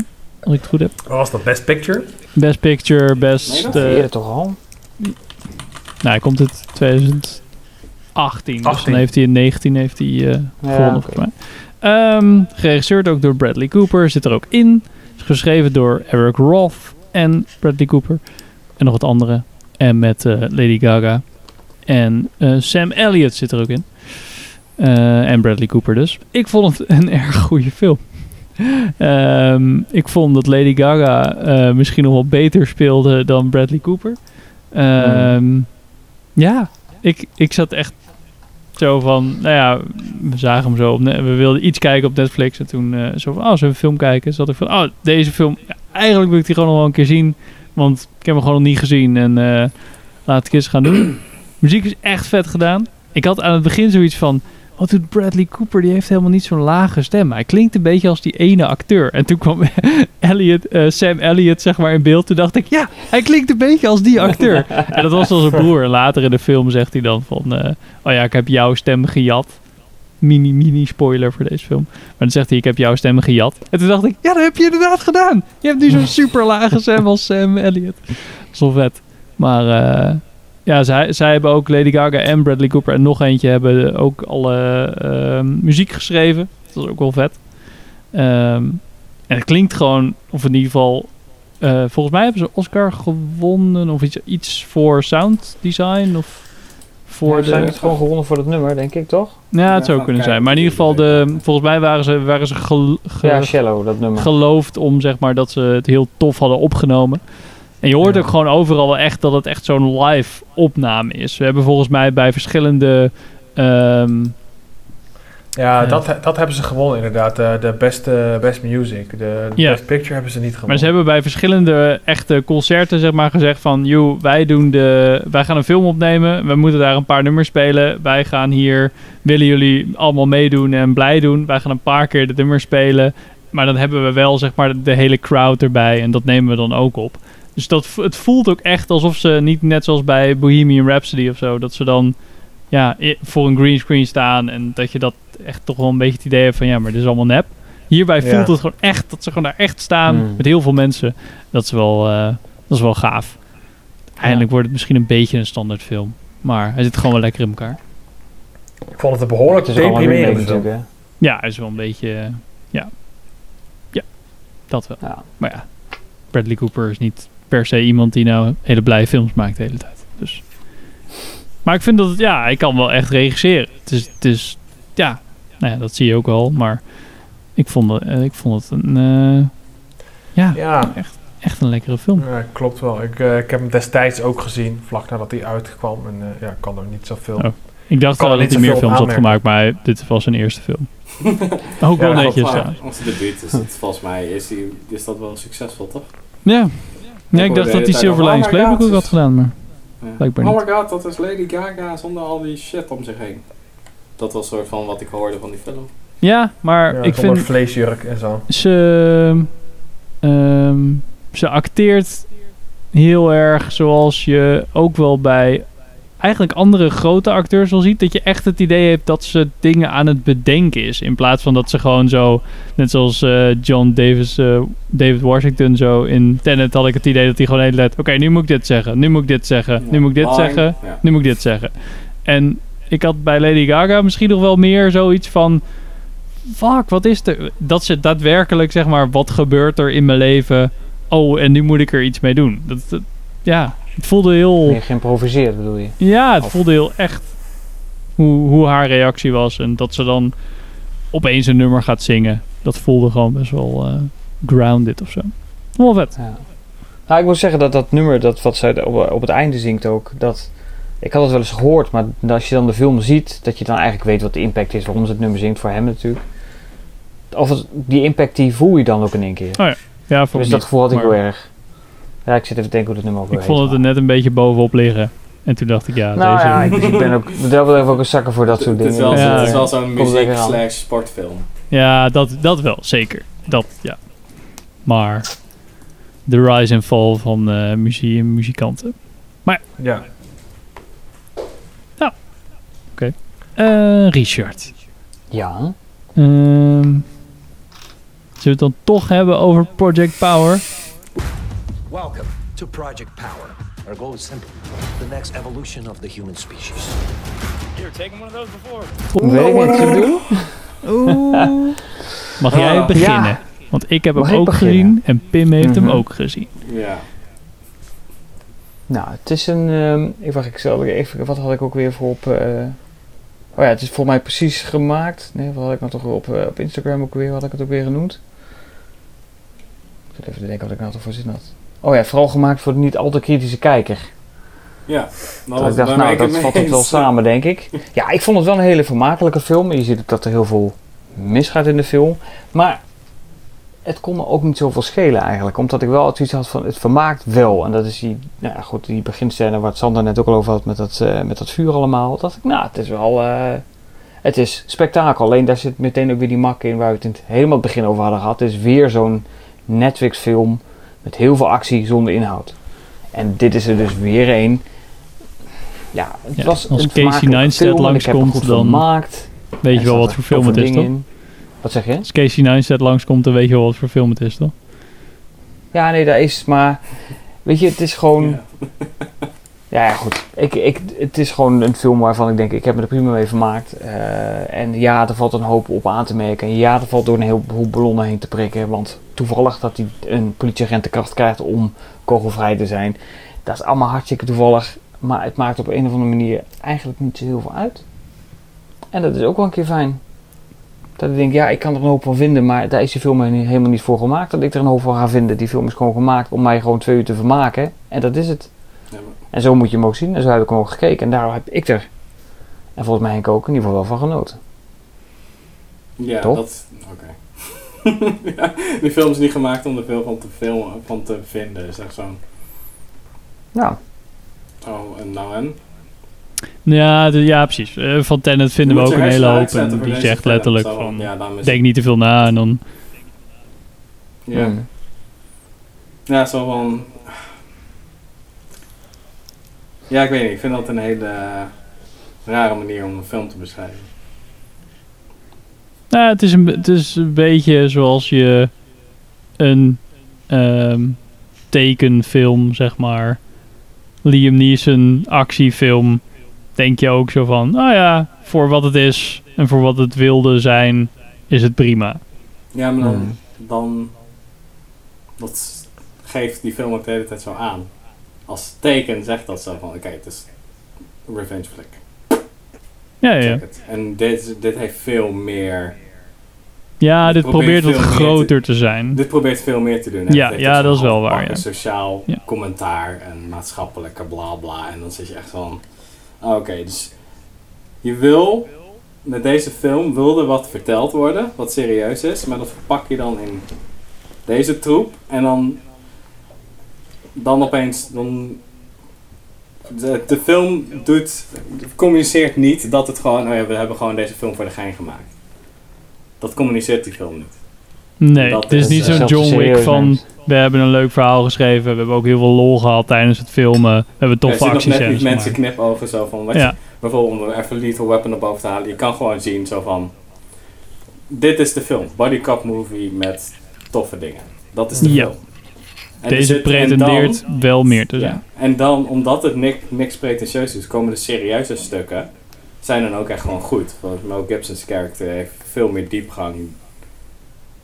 in Lethal Weapon dan alle personages in Project Power bij elkaar. Ja. En dat geeft hem ook motivatie en daardoor maakt het eigenlijk alles soort van... Er zit een extra laag onder en hier is dat gewoon zo van... Oh, we doen gewoon wat halfbakken commentaar op huidige maatschappij.mp4. Dat flikken we Mhm. erin en dan hebben we ook nog, oh ja, ja. eh, we hebben dan een soort van regels, maar onze, onze regels die breken we meteen in de eerste keer dat je die power ziet.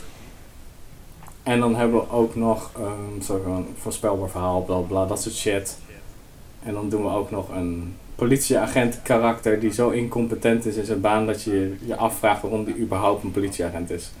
En dan denk je van oké, en dan moet de soort van het rest van het verhaal een soort van impact hebben als ze wat willen vertellen. Ja, dat is gewoon niet zo. Dus dan ja, dan is het echt gewoon. Dan kwalificeert het voor mij nog niet eens als soort van plat vermaakfilm. Zoals How High bijvoorbeeld is. Shout out to How High. Dan geldt dat niet eens. Dan, dan, dan gaat het soort van, dan wil het wat vertellen, maar dan moet het het ook goed doen. En dan, dat, dat lukt gewoon niet met deze film. En daar reken ik hem dan op af.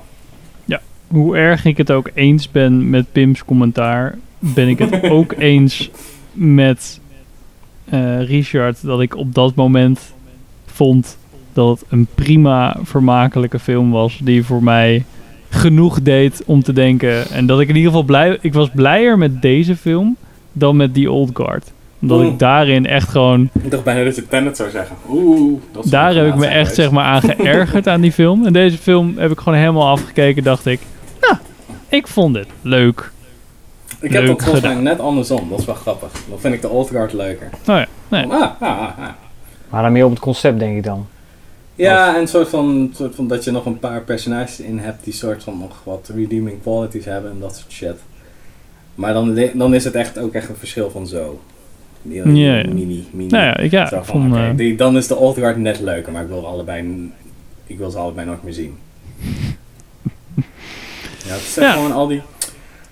Ja. Ik had, ik had een paar dingen opgeschreven, zo van, oké, als we het hier uitgebreid over gaan hebben. dat hoeft, dat hoeft Nou, dat niet. hoeft niet. We kunnen nee, het precies, dat hoeft niet. Laat Nee, het dat had ik ook bij gedaan. Oké. Ik had een paar van die dingen van, nou ja, ja walkie-talkies in een... Hey, in hey, een- wel, ik heb wel opgeschreven, hey, dat is Tate Fletcher. Tate Fletcher zat erin. Shout out Wie? to Tate Fletcher. Die stuntman was een, Oh ja, ja. is een van de memes. Ja, die, die, die wilde ik zelfs, die zat ik nog naar het scherm te wijzen. hey Pim, kijk, dat is die, Ja, hey, dat die gast waar jij, Fletcher. ook, waar jij oh, en hij is dood. En hij is dood. Ja, die gast is echt, dat is vet. Hij zit daar overal in. Rip. Oh, is hij nu overleden? Tate Fletcher. Is die in het echt overleden? Nee. Oh, oh eh, zo, dat hij zo snel doodging in de film. Ja, hij is, hij is Ah, altijd een dude die soort van doodgaat. Of eh, je hem heel even ziet. Of hij zit in Sicario, hij zit in The Accountant. Hij zit in The Mandalorian. Hij zit in de eerste John Wick. Ja, precies. Dus ja. Ja, ik, Hij nou, sp- en hij speelt altijd dezelfde dude. Koude dude met baard. Want zo twee tegen één. Twee tegen één wat? Dus vermakelijke film. nee, het is het niet. Nee, nou ja, ik heb hier inderdaad de quote van Henk hier. Ik was niet zo kritisch die avond, prima filmpje. Dus, nou, Ja, dat dat valt er toch ook prima Ja, samen. dat, zegt, dat zegt alles over de film. Dus kijk En door niet. naar de volgende. Ja, precies. Vertel. Dus, Eh, Richard mag kiezen bij... Richard mag kiezen Zonder bij ik, hè? Stanley. eh, Valt niet zoveel te Nou. kiezen. nou, Loving Vincent is toch aardig eh, interessante titel tenminste. Vincent left this letter. Theo Van Gogh. That's Vincent's brother, isn't it? Ja, heb jij hem Vond ik een hele interessante film om te zien. Ja, Heb je hem gezien? Ik Ik vond hem bioscoop eh, zelfs. best wel leuk. Hij is... eh, Even ik, voor de eh, mensen die niet weten waar deze film over gaat. Ja, precies. Oh. Van 2017. Het is een, eh, de, de eerste en enige film volgens mij, eh, naar mijn weten, die helemaal geschilderd is. In de stijl van Vincent van Gogh, want het is een film over Vincent van Gogh. Ehm, en het gaat eigenlijk over... Ik wist eigenlijk niet waar het over ging, maar ik wist wel dat ik hem wilde zien, want ik vind Vincent van Gogh wel cool. Ehm, het gaat over een soort van... Ik weet eigenlijk niet eens wat het is. Een soort van... De, eh, de zoon van iemand die Vincent heeft gekend een jaar of zo nadat Vincent overleden is. En die heeft nog een brief van Vincent aan zijn broer, die nooit gepost is. En die man krijgt dan de, opdracht van: oké, eh, ja, zoek die broer, Theo, en lever die brief af. En dan komt hij in een, eh, in een dorpje, zeg maar, in het dorpje waar, waar eh, Vincent gewoond heeft. En daar, ja, daar is natuurlijk van alles gebeurd. Eh, ieder- iedereen kent hem daar. En dan wordt zeg maar een soort van zijn laatste, peri- de laatste periode van zijn leven wordt soort van geherconstrueerd. naar een soort van, soort van who done it. Alleen dan ja, is er niet een grote ontknoping van die heeft het gedaan of zo. Word je niet helemaal gek van die artstyle? Gewoon van letterlijk hoe de film eruit ziet? Ik vond het Nee. best wel goed werken, moet ik zeggen. Het is wel even wennen. Ehm, en het is ook zeker niet dat ik zeg van... Oh, ik wil allemaal films in dit medium eh, zien. Absoluut niet. Daar hebben we vast een de- filter voor. De voor. film, ja, voor de film die het is... Eh, eh, ja, het, het, past, het past natuurlijk heel erg bij, bij het materiaal van de film. Dus daarom vind ik het al een goede keuze. En het, eh, ja, het is echt gewoon goed geschilderd. Echt in de stijl van Vincent van Gogh. Dus dat, dat werkt wel heel goed. Oké. Ja, Ja, ik ben... Voorstel ja. dat er dus in Polen een hele batterij van 100 schilders naast elkaar zitten. En die schilderen een scène. En dan maken ze een foto van. En dan schildert hij de zon net iets verder naar rechts. Ja. En dat is dus letterlijk wat je dus iedere keer ziet gebeuren. Ja. Er zijn echt duizenden, een 30.000 stop-motion schilderijen geloof ik gemaakt. Ja, een soort stop motion. Ja. En dit is een afwisseling tussen de beelden van Vincent van Gogh. Dat is dus inderdaad in zijn stijl. En dan de stukken van de detective zijn dan weer een soort van schetsvormerachtig. Dus, Ja, dus er zitten- dus er je hebt niet constant die, Ja. eh, die kleuren scrolls. eh. Oh, dat is dus een soort van de, de schetsboek, een soort van aantekeningen wat een politieagent doet. Ja, zo zou je Ja, het kunnen zien. Zo Ja. Oké. Wel een beetje ruw noir-achtig. Dat is eh. wel makkelijk. Ja, het deed me wel een beetje aan een noir film denken inderdaad. Ja. Nog wel Cheats. makkelijk. Die film duurt 800 jaar om te maken en krijgt dan zo van, oh ja, ja, dat was oké.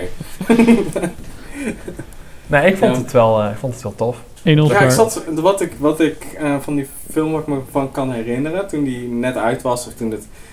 Wat ik jammer vond bij die film, is dat de marketing de hele tijd zich focuste op, ja, dat elke, elke frame is soort van handgeschilderd. Dan zou ik denken van, ja, verkoop je daar die film mee? Zo van, vertel ze van, oh ja, dus Ja, voor- waar nu gaat de jij- film over? Ja, precies. Nu jij Ja. dat verhaal vertelt, zit ik zo van, kijk, dat is nog best wel een cool concept. Dat je eigenlijk soort van aan de hand van de, het, de gedachten van Vincent van Gogh. En hij gaat soort van eh, naar de impact die hij heeft gehad op die lokale, ma- de lokale groep, dat dorp. En dat verhaal wordt een soort van geconstrueerd. Dat is, dat is veel interessant. En dan moet je er nog bovenop leggen. Hij is alle, elke frame is eh, handgeschilderd. Dat is een veel Ja. beter. Hm. Dus deze Ja, heeft ook een denk- beetje last gehad van marketing. eh, een soort van te Ja, gefocuste, ik- soort van tunnelachtige marketing. Van oké, Ja, denk ik ook wel, ja. Maar ik het denk als je dat schilderen weghaalt en dan wordt het gewoon een film, dan denk ik dat je een stuk minder positief was geweest. Dat denk ik ook, Als ja. Nee, het komt echt wel... Door, denk je, ja, door die Dat is stijl hem niet zo boeiend. krijgt het een heel bijzonder sfeertje... wat ik eigenlijk nog Ja. nooit eerder bij een film heb gezien. En dat sprak me heel erg aan. Maar wat je zegt is inderdaad waar. Zeker als je het verhaal van Vincent van Gogh kent. Ehm, Ja. ja, dan is het gewoon... Het is niet spannend Ja. of zo. Nee. Nee, nee, ja, mijn punt was ook zo van oké, maar ik hoor dan de hele tijd, ja, het is handgeschilderd, elke, elke frame. Ja, oké, cool. Maar, Nou ja, maar die gimmick is natuurlijk ook wel het sterkste aspect van de hele film. ja, oké, maar Ja. dan moet je niet de hele tijd soort van op gaan focussen. Van, ja, Nee, je- maar ja, dit is natuurlijk uniek, dus ik snap wel dat die focus daarop ligt. Ja. Ik bedoel, dat is, dat is het belangrijkste, een van de belangrijke onderdelen van de film. Dat is net zoals Dat is niet bij zo het eh, belangrijkste onderdeel. Weet die film ook weer met Ethan Hawke, Boyhood. Ja, deze hij duurt Oh, 13 ja. jaar om te maken. Ja, maar Is het een goede film? Ja. ja, is, is, is, is de film oké? Dan Ja. vraag ik me dan af. Ben je gewoon heel lang bezig geweest. Ja, precies. Heb je Ja. gewoon eigenlijk je tijd verspild, wil je daar weer Ja. zeggen. Dat is een beetje het probleem wat je daarmee creëert. Ja, je durft bijna niet meer te zeggen dat je je tijd hebt verspeeld. Oh, 13 ja, jaar. Oh. Ja. mooi. Big. Overigens vond ik Boyhood wel eh, best een goede film hoor. Ja, zie. Maar dat is een beetje een soort van het ding. Van, oké, maar ja, dat, is- dat vind ik, ik wil zeggen, niet zo van... Ik vind het jammer dat er meestal maar één ding verkocht wordt bij zo'n bij een, bij zo'n film. Ja, het is een film met Bij een een gimmick. film. En dat, ja, dat Ja. klopt. Ja, Hmm. dat vind, ik, dat vind ik jammer. Dat is eigenlijk het enige wat ik wil zeggen.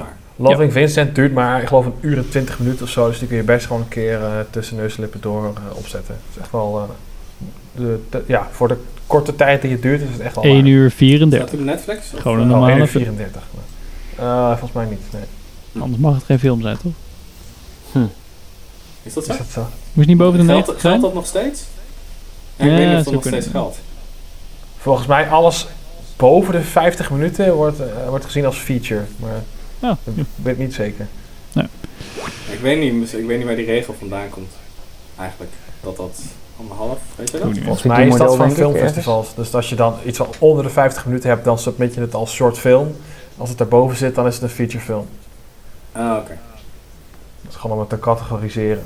Ik dacht meteen aan een soort van plot van tv-maatschappijen die dan, ja, een film die moet anderhalf eh, uur zijn, want er kunnen meer reclames in proppen. Oh ja, dat zou ook heel goed kunnen. Misschien is dat het wel gewoon. Dus als dat de ra sommige radiozenders muziek 2% sneller afspelen, zodat er meer nog een ad extra in kan per uur.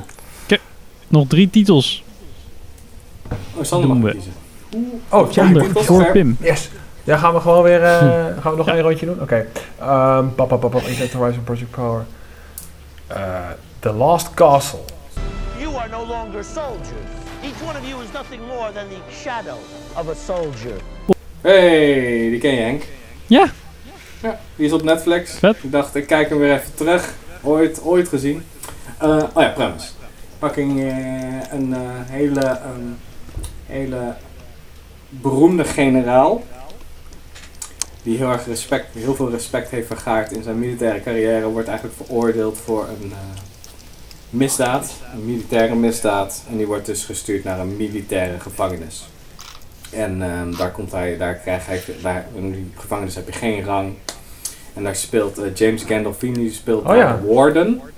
En die is eigenlijk heel erg soort van, eigenlijk is iedereen fan van die generaal. Iedereen vindt hem cool, maar die warden is een beetje een control freak, arrogante zak, dictator die nooit echt combat heeft ge- gekend. Dus die wordt na een tijdje heel erg soort van persoonlijk gekrenkt door onze Robert Redford, de beroemde generaal. En die gaat hem dus extra hard aanpakken. En zo ontstaat er een soort van opstand in die gevangenis, waarbij eigenlijk een soort van de militaire soort van eh, orde, soort van weer wordt hersteld. En waar ieder, elke soort van gevangene zijn zelfrespect weer krijgt, bla bla. Net zoals een sportfilm eigenlijk. Dat is het, Ja, net zoals het soort van, het soort van de, het, het soortje ongeregeld wordt weer in lijn gebracht door één grote larger than life, life personage, die, waardoor ze meer kunnen bereiken als groep Mhm. in plaats van individueel. Dat is eigenlijk een soort van de In premise. 2001. Ja, hij stond op Netflix. Ik dacht, ja, kijk wel eens terug. En hij is nog steeds, hij is nog steeds wel leuk. Laat ik het zo zeggen. En ik was het einde vergeten, dus dat was, dat was wel cool. Dat is van, oh ja, oh. Hm, tof. Goed, mooi. Ja, vet. Dus, eh, Nou, ja, leuk dat hij op eh, Netflix staat. Goeie, eh, ja. Aanrader om te kijken. 2001, eh, Sander. Je gewoon kijken. Als het eh, ja, James Gandolfini is, toch? dus ik ben benieuwd. oh ja. Volker Tony Soprano mee. Oké, Pim. Oh ja, ehm, Project Power, nog een keer. Ah shit, je hebt een bordspel erop staan? Ja. Dat, dat maakt mij nieuwsgierig. Henk. Gooi hem er een keer in. Oh, vet. Eh, ik was jarig onlangs. Dus Jee, langzaam. ik wilde graag eh bordspellen voor mijn verjaardag. Die heb ik niet gekregen, maar die heb ik zelf gekocht. Gelukkig. Van, van Want ik ben een fucking volwassen man, dus ik kan Maar- doen wat ik wil. Fuck. Precies. en een van die spellen is eh, Chronicles of Crime.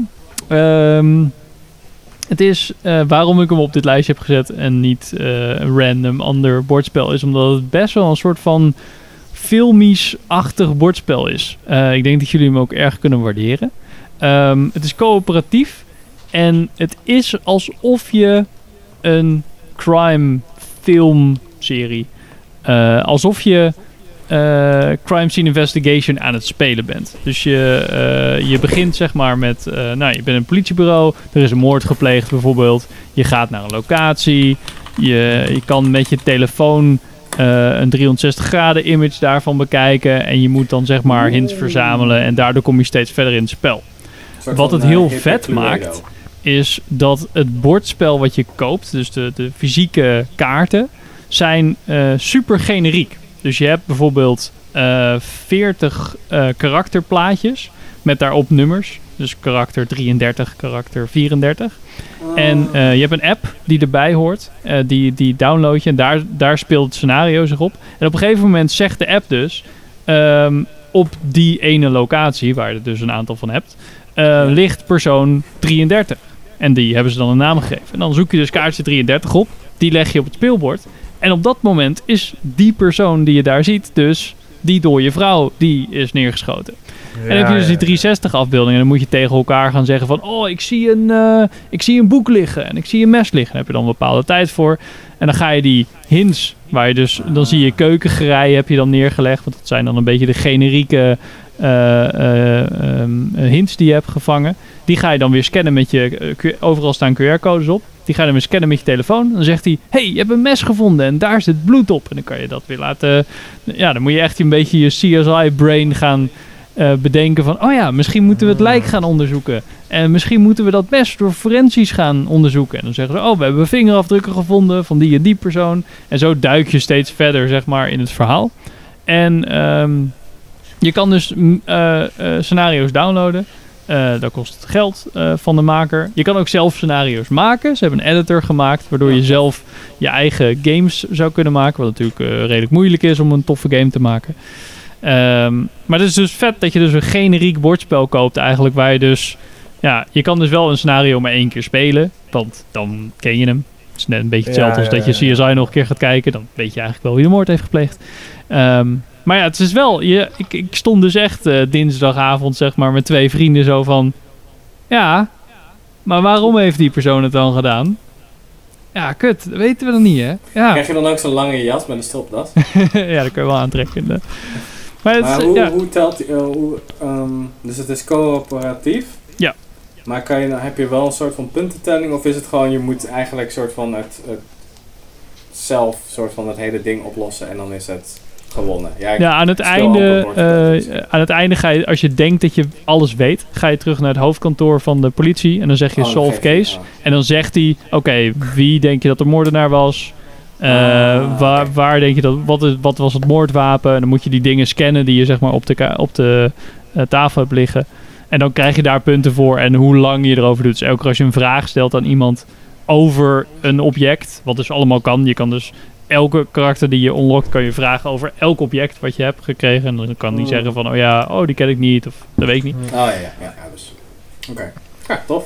Ja. Beetje Cluedo ook dan. Eh, Ja, ik wou zeker. net zeggen, ja. Het is, Ja, eh, dus het is eigenlijk Newfangled denken. Cluedo. En eh, als, als de scenario's dus goed zijn geschreven, en sommige zijn beter geschreven dan andere. eh, een vriend van mij heeft dit, dit bordspel ook. Eh, en die zegt bij het ene scenario, zei van ja, die is niet helemaal lekker. Maar dat, dat, je hoopt dus dat er een soort van rare clue, dat, dat er opeens een rare plot twist is. Van wow, waarom is er, zijn er opeens ondergrondse kookbattles aan de gang, bijvoorbeeld. Dat, dat je echt denkt van, hè, maar we, hadden we zijn een Oh, moord aan het kook als oplossen. in drugs, niet als in... Nee, nee, letterlijk. letterlijk nee, nee, Masterchef in letterlijk riool, ja. ja, zo, ja, zo'n illegale masterchef ring ergens. Ja, nee, dat was letterlijk- club. Dat was letterlijk de plot twist. Wat dat er Illegale master, masterchef. Meen je dat? Ja. Wat de hel? Het is niet Ja. kook, maar kook. Nee, echt koken. K.O.K.. Ja, dat hadden ze een of andere kook, kookwedstrijd met eh, van, die, eh, van die vissen die dan... eh, die, oh, eh, van die blowfish. eh, ja, van die blowfish dingen en zo. slecht, Ja. ja, maar daar zaten we dus echt zo van, van wat? Moeten we zo naar een ondergronds kookwedstrijd? Wat? Ja, was wel gaaf. Oh, wow. Dus ja, ehm Ja, dat wel. En ik, vind, ik, ben, ik merk dat ik coöperatief af en toe leuker vind dan... Ik ben niet zo'n eh, zo'n zo'n strijder in... Nee, ik ben niet zo competitief, dus dat vind ik coöperatief vind ik leuk. Net als Pandemic is ook een heel goed coöperatief spel. Bordspel. Dus dat, ja. Misschien moeten we een keer doen, als het weer mag. Ja.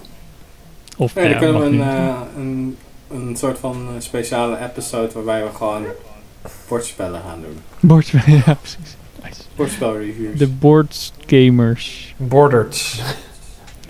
De, de Borderliners. Oké, zal ik de laatste doen? Richard. Alright, nou ja. Kies maar.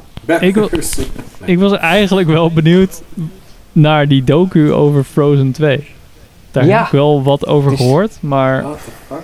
Ja, die staat op eh, Disney Plus. Dus eh, zes afleveringen of zeven afleveringen van ongeveer 30, 40 minuten. Into the Unknown heet Zo. het. En dat gaat over de making-of van Frozen 2.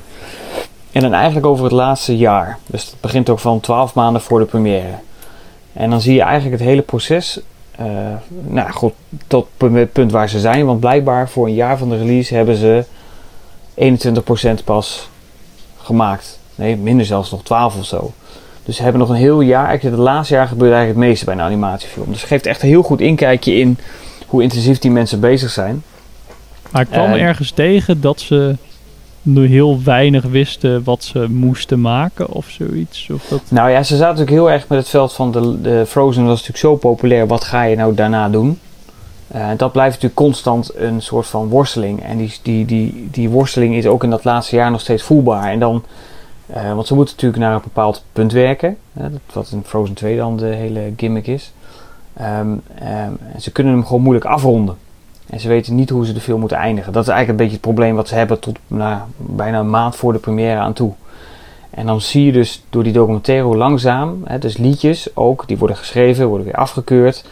En wat voor impact die hebben op het verhaal. En dan wordt het verhaal weer aangepast. Dan wordt toch weer het liedje aangepast. En dan toch weer even het verhaal. En hoe dat als puzzel zo in elkaar. En dan een maand van tevoren. Dan is het van. Ja, we hebben het. De puzzel is nu in elkaar. Maar we hebben pas 20% ge, ge, final. Dus we moeten nu. Ja, precies. Dus animeren als een gek. En dan zie je dus dat nou, mensen gewoon letterlijk drie maanden scène aan het tweaken zijn. En dan. Ja, jouw scène is gesneuveld. Want het past er toch niet. Shit. En dan zie je iemand kijken, ja, life goes on en dat hoort erbij. En uh, dat is wat het is. Dus, ja, zoals je van die animatiefilms houdt, dus geeft het echt een heel goed, goed inkijkje. In hoe heel zo'n proces verloopt. Maar waarom... Je moet deze, ja? denken aan die South Park documentaire. Oh ja, Six Days to Air. Six Days, ja. Oh, die maar waarom maakt... Ja, in ieder geval vind ik het mooi hoor, dat ze, denk ik, zoiets maken. Maar geeft het ook niet een heel erg een ja, zo van we weten eigenlijk niet waar we heen moeten. Maand voor release weten we eindelijk zeg maar hoe deze puzzelstukjes in elkaar vallen. Voelt dat niet een beetje als, oh ja, we doen maar wat? Of? Nee, nee, juist niet. Oh, okay. Dat maakt het die documentaire zo mooi, omdat je je, uh, je voelt dat ze er naartoe gaan, maar het, het, dan hebben ze het eind. En dat, dat wijkt er niet zoveel af van wat het uiteindelijke einde. Alleen ze merken gewoon van het heeft niet de impact die we willen hebben. Mm -hmm. Dus dan hebben ze het verhaal op een bepaalde manier geschreven. Dan krijg je op een gegeven moment ook de testscreening. En dan krijgen ze daaruit van, ja, de volwassenen vonden het fantastisch, maar de kinderen snappen het niet. Mm. Dus dan moeten ze iets van, ja, dan moeten we toch, of we moeten het meer uitleggen. Nou, dan komt er ook gewoon een nieuw liedje bij. En, en uh, een soort van, um, dat het wat het ene personage zei, dat gaat dan toch naar het andere. Want, want Olaf zit erin, dus er moet meer Olaf in. Wat, en die moet dingen meer uitleggen, zodat kinderen het ook beter begrijpen. Mm -hmm. En heel die puzzel, die gaat er door elkaar. En dan want die uh, regisseuse, die uh, Jennifer Lee, die zei dus op een gegeven moment ook, die zei van ik sta om vijf uur s ochtends op, dan begin ik met schrijven. En om zeven uur dan breng ik mijn kind naar school. Dan ga ik daarna naar mijn werk. En dan om vijf uur haal ik mijn kind weer op. En dan ben ik er voor mijn kind tot zeven dat ze naar bed gaat. En dan ga ik weer schrijven tot elf uur. En dan om vijf uur gaat de wekker weer. En dat zo, dat begint dan met vijf dagen in de week. En uiteindelijk zijn ze gewoon zeven dagen in de week gewoon vol bezig. Maar het mooie is dat je dan nu ook de mensen achter de productie ziet. En ook de privéleven. Want een van de regisseurs die verliest zijn zoon. Dat was volgens mij, moet ik goed zeggen, volgens mij net na voor de première van de eerste Frozen film. Dus dat wordt hij dan ook in verwerkt. En nou, dat, dan, kijk je in één heel anders naar zo'n film. En als Frozen 2 dan misschien niet de meest baanbrekende animatiefilm om dat bij te doen. Maar het, het, is wel heel, heel interessant. Ook omdat ze niet hebben gezegd, we poppen dat in een uur. Nee, het is gewoon echt een documentaire van 6 of 7 afleveringen van 30, 40 minuten. Dus je hebt ook echt de tijd om het hele proces stap voor stap te laten zien. Dus ik vond het heel interessant om, uh, om al wat die... vond jij het gaat van- over alles. De script en, en storyboards en muziek en, en liedjes en nou, noem het allemaal maar op. En ik zag ook nu blijkbaar, het vond ik wel grappig, dat dus de eh, muziek, het orkest wordt dus opgenomen bij Warner Brothers. dacht ik, nou, toch interessant. Ja. Dat Disney blijkbaar niet zelf een studio heeft om al die muzikanten in, eh, in te ontvangen. Ja. Vond ik bijzonder, maar goed. Dus eh, ja, ik vond het heel interessant. En wat vond Dus jij als je van Disney Frozen hebt, 2 zeker eigenlijk? Gewoon eh, Ehm, als film. Nou, als film vond ik hem wel geslaagd. In die, in die zin dat ik het wel. ehm, eh, wat ik wel goed vond, is dat ze dingen uit de eerste weer terugkoppelden. Dus ze hebben ze wel echt letterlijk aan elkaar geraken. Niet van, nou, we zijn vijf jaar verder en hoe is het nu? En oh, er is weer nieuw gevaar. Ja. Nee, dat, Ja, dat is wel een soort van gevaar. Alleen dat wat. Eigenlijk was het in deel 1 er ergens ook al een beetje. Dus op zich, voor een sequel was het, eh, vond ik het eh, zeker goed gedaan. Maar dat, goed, dat is wat ik zei. Het is niet de meest interessante film misschien om het hele proces van te zien. Maar dat hij er is, maakt hem wel interessant. Ja, dat wisten ze Dus, natuurlijk niet, hè? Of dit interessant ging.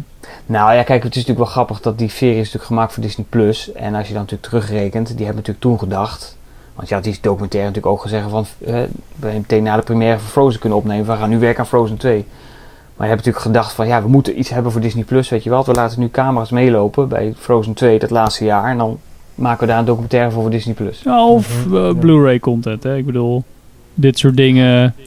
Ja, maar hij is zo uitgebreid. Het is ook echt een Disney. je voelt- dat voel je ook wel van nou, eh, van vandaag zijn de camera's bij en nu wordt het proces vastgelegd. En wat je drie jaar voor, drie jaar die- hiervoor dat je hebt zitten klooien om het verhaal te ronden, dat is dan, nou, dat, dat heb je dan gehad. Maar nu gaan we het laatste Ja. jaar en dat gaan we vastleggen. Misschien wel, misschien zou dit de crew zijn die normaaliter de Blu-ray eh, making-of zou maken. En dat ze nu zeiden, doe nog maar even, hier heb je wat extra geld. Er komt misschien straks wel wat aan. wel. Ja, Misschien precies. wel. Ik weet ook trouwens niet of die überhaupt op de schijf erbij staat trouwens. Ik heb hier wel, ik heb hem hier wel, maar ik heb de, single Plus edition. albums willen ze hebben. Ja, nou, dat, daarom zullen ze het er waarschijnlijk uit hebben gehaald. Dat is ook wel interessant, want het laat hem ook een, schijnt ook een beetje door zo hoe berekenend Disney is. Hmm. Met hun producten. Ja. Nou ja, het zou, ik moet wel zeggen, als dit de kwaliteit is, dan sta ik daar helemaal niet... eh, Ja, want ze hadden ook toch die, heb je ook die eh, Imagineers of die, die over, die docu Over Disney. Park. eh, Ja. Dat was ook wel echt zo'n flinke behind the scenes. eh, Ja. Ja, ze doen het meer, want ze hebben die... ehm, God, die, die man die al die muziek geloof ik ook gemaakt heeft van die tekenfilms. Daar hebben ze ook weer een hele documentaire van. Dus ze zijn wel echt een hele legacy aan het uitleggen eigenlijk. Ja. Dus ja, er zit zeker... er staan goede genoeg voor jou om eh, Disney Plus te houden. Ja, weet je wat iedere keer de grap is? Dan denk ik, nou oké, dan stop ik ermee. En dan eh, was het een paar maanden geleden. En dan kwam, en dan kwam Onward en dacht ik, ah, dan blijf ik toch even hangen voor Onward. Weet je, dus... En dan denk ik, ja goed, dan is 7 euro. Ik denk, nou goed, dan had ik dan voor een bioscoopkaartje ook betaald. Dus Dat is blijf de toch truc, iedere keer weer hangen. Trap er niet in. Met Trap er alle liefde trap het erin. Ah. Je trapt er bewust in. Ja. Oké, nou Consumer tof. products. Yes. Nou, ik dacht de korte podcast is het niet. Lukt nooit. Nee.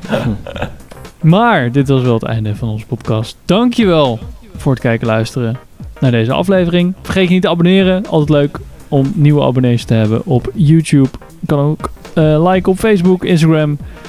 En eh, check ons op Spotify, iTunes en via je favoriete podcast app. En eh, tot de volgende aflevering. Doei. Later. Tot volgende maand, Doei. hè.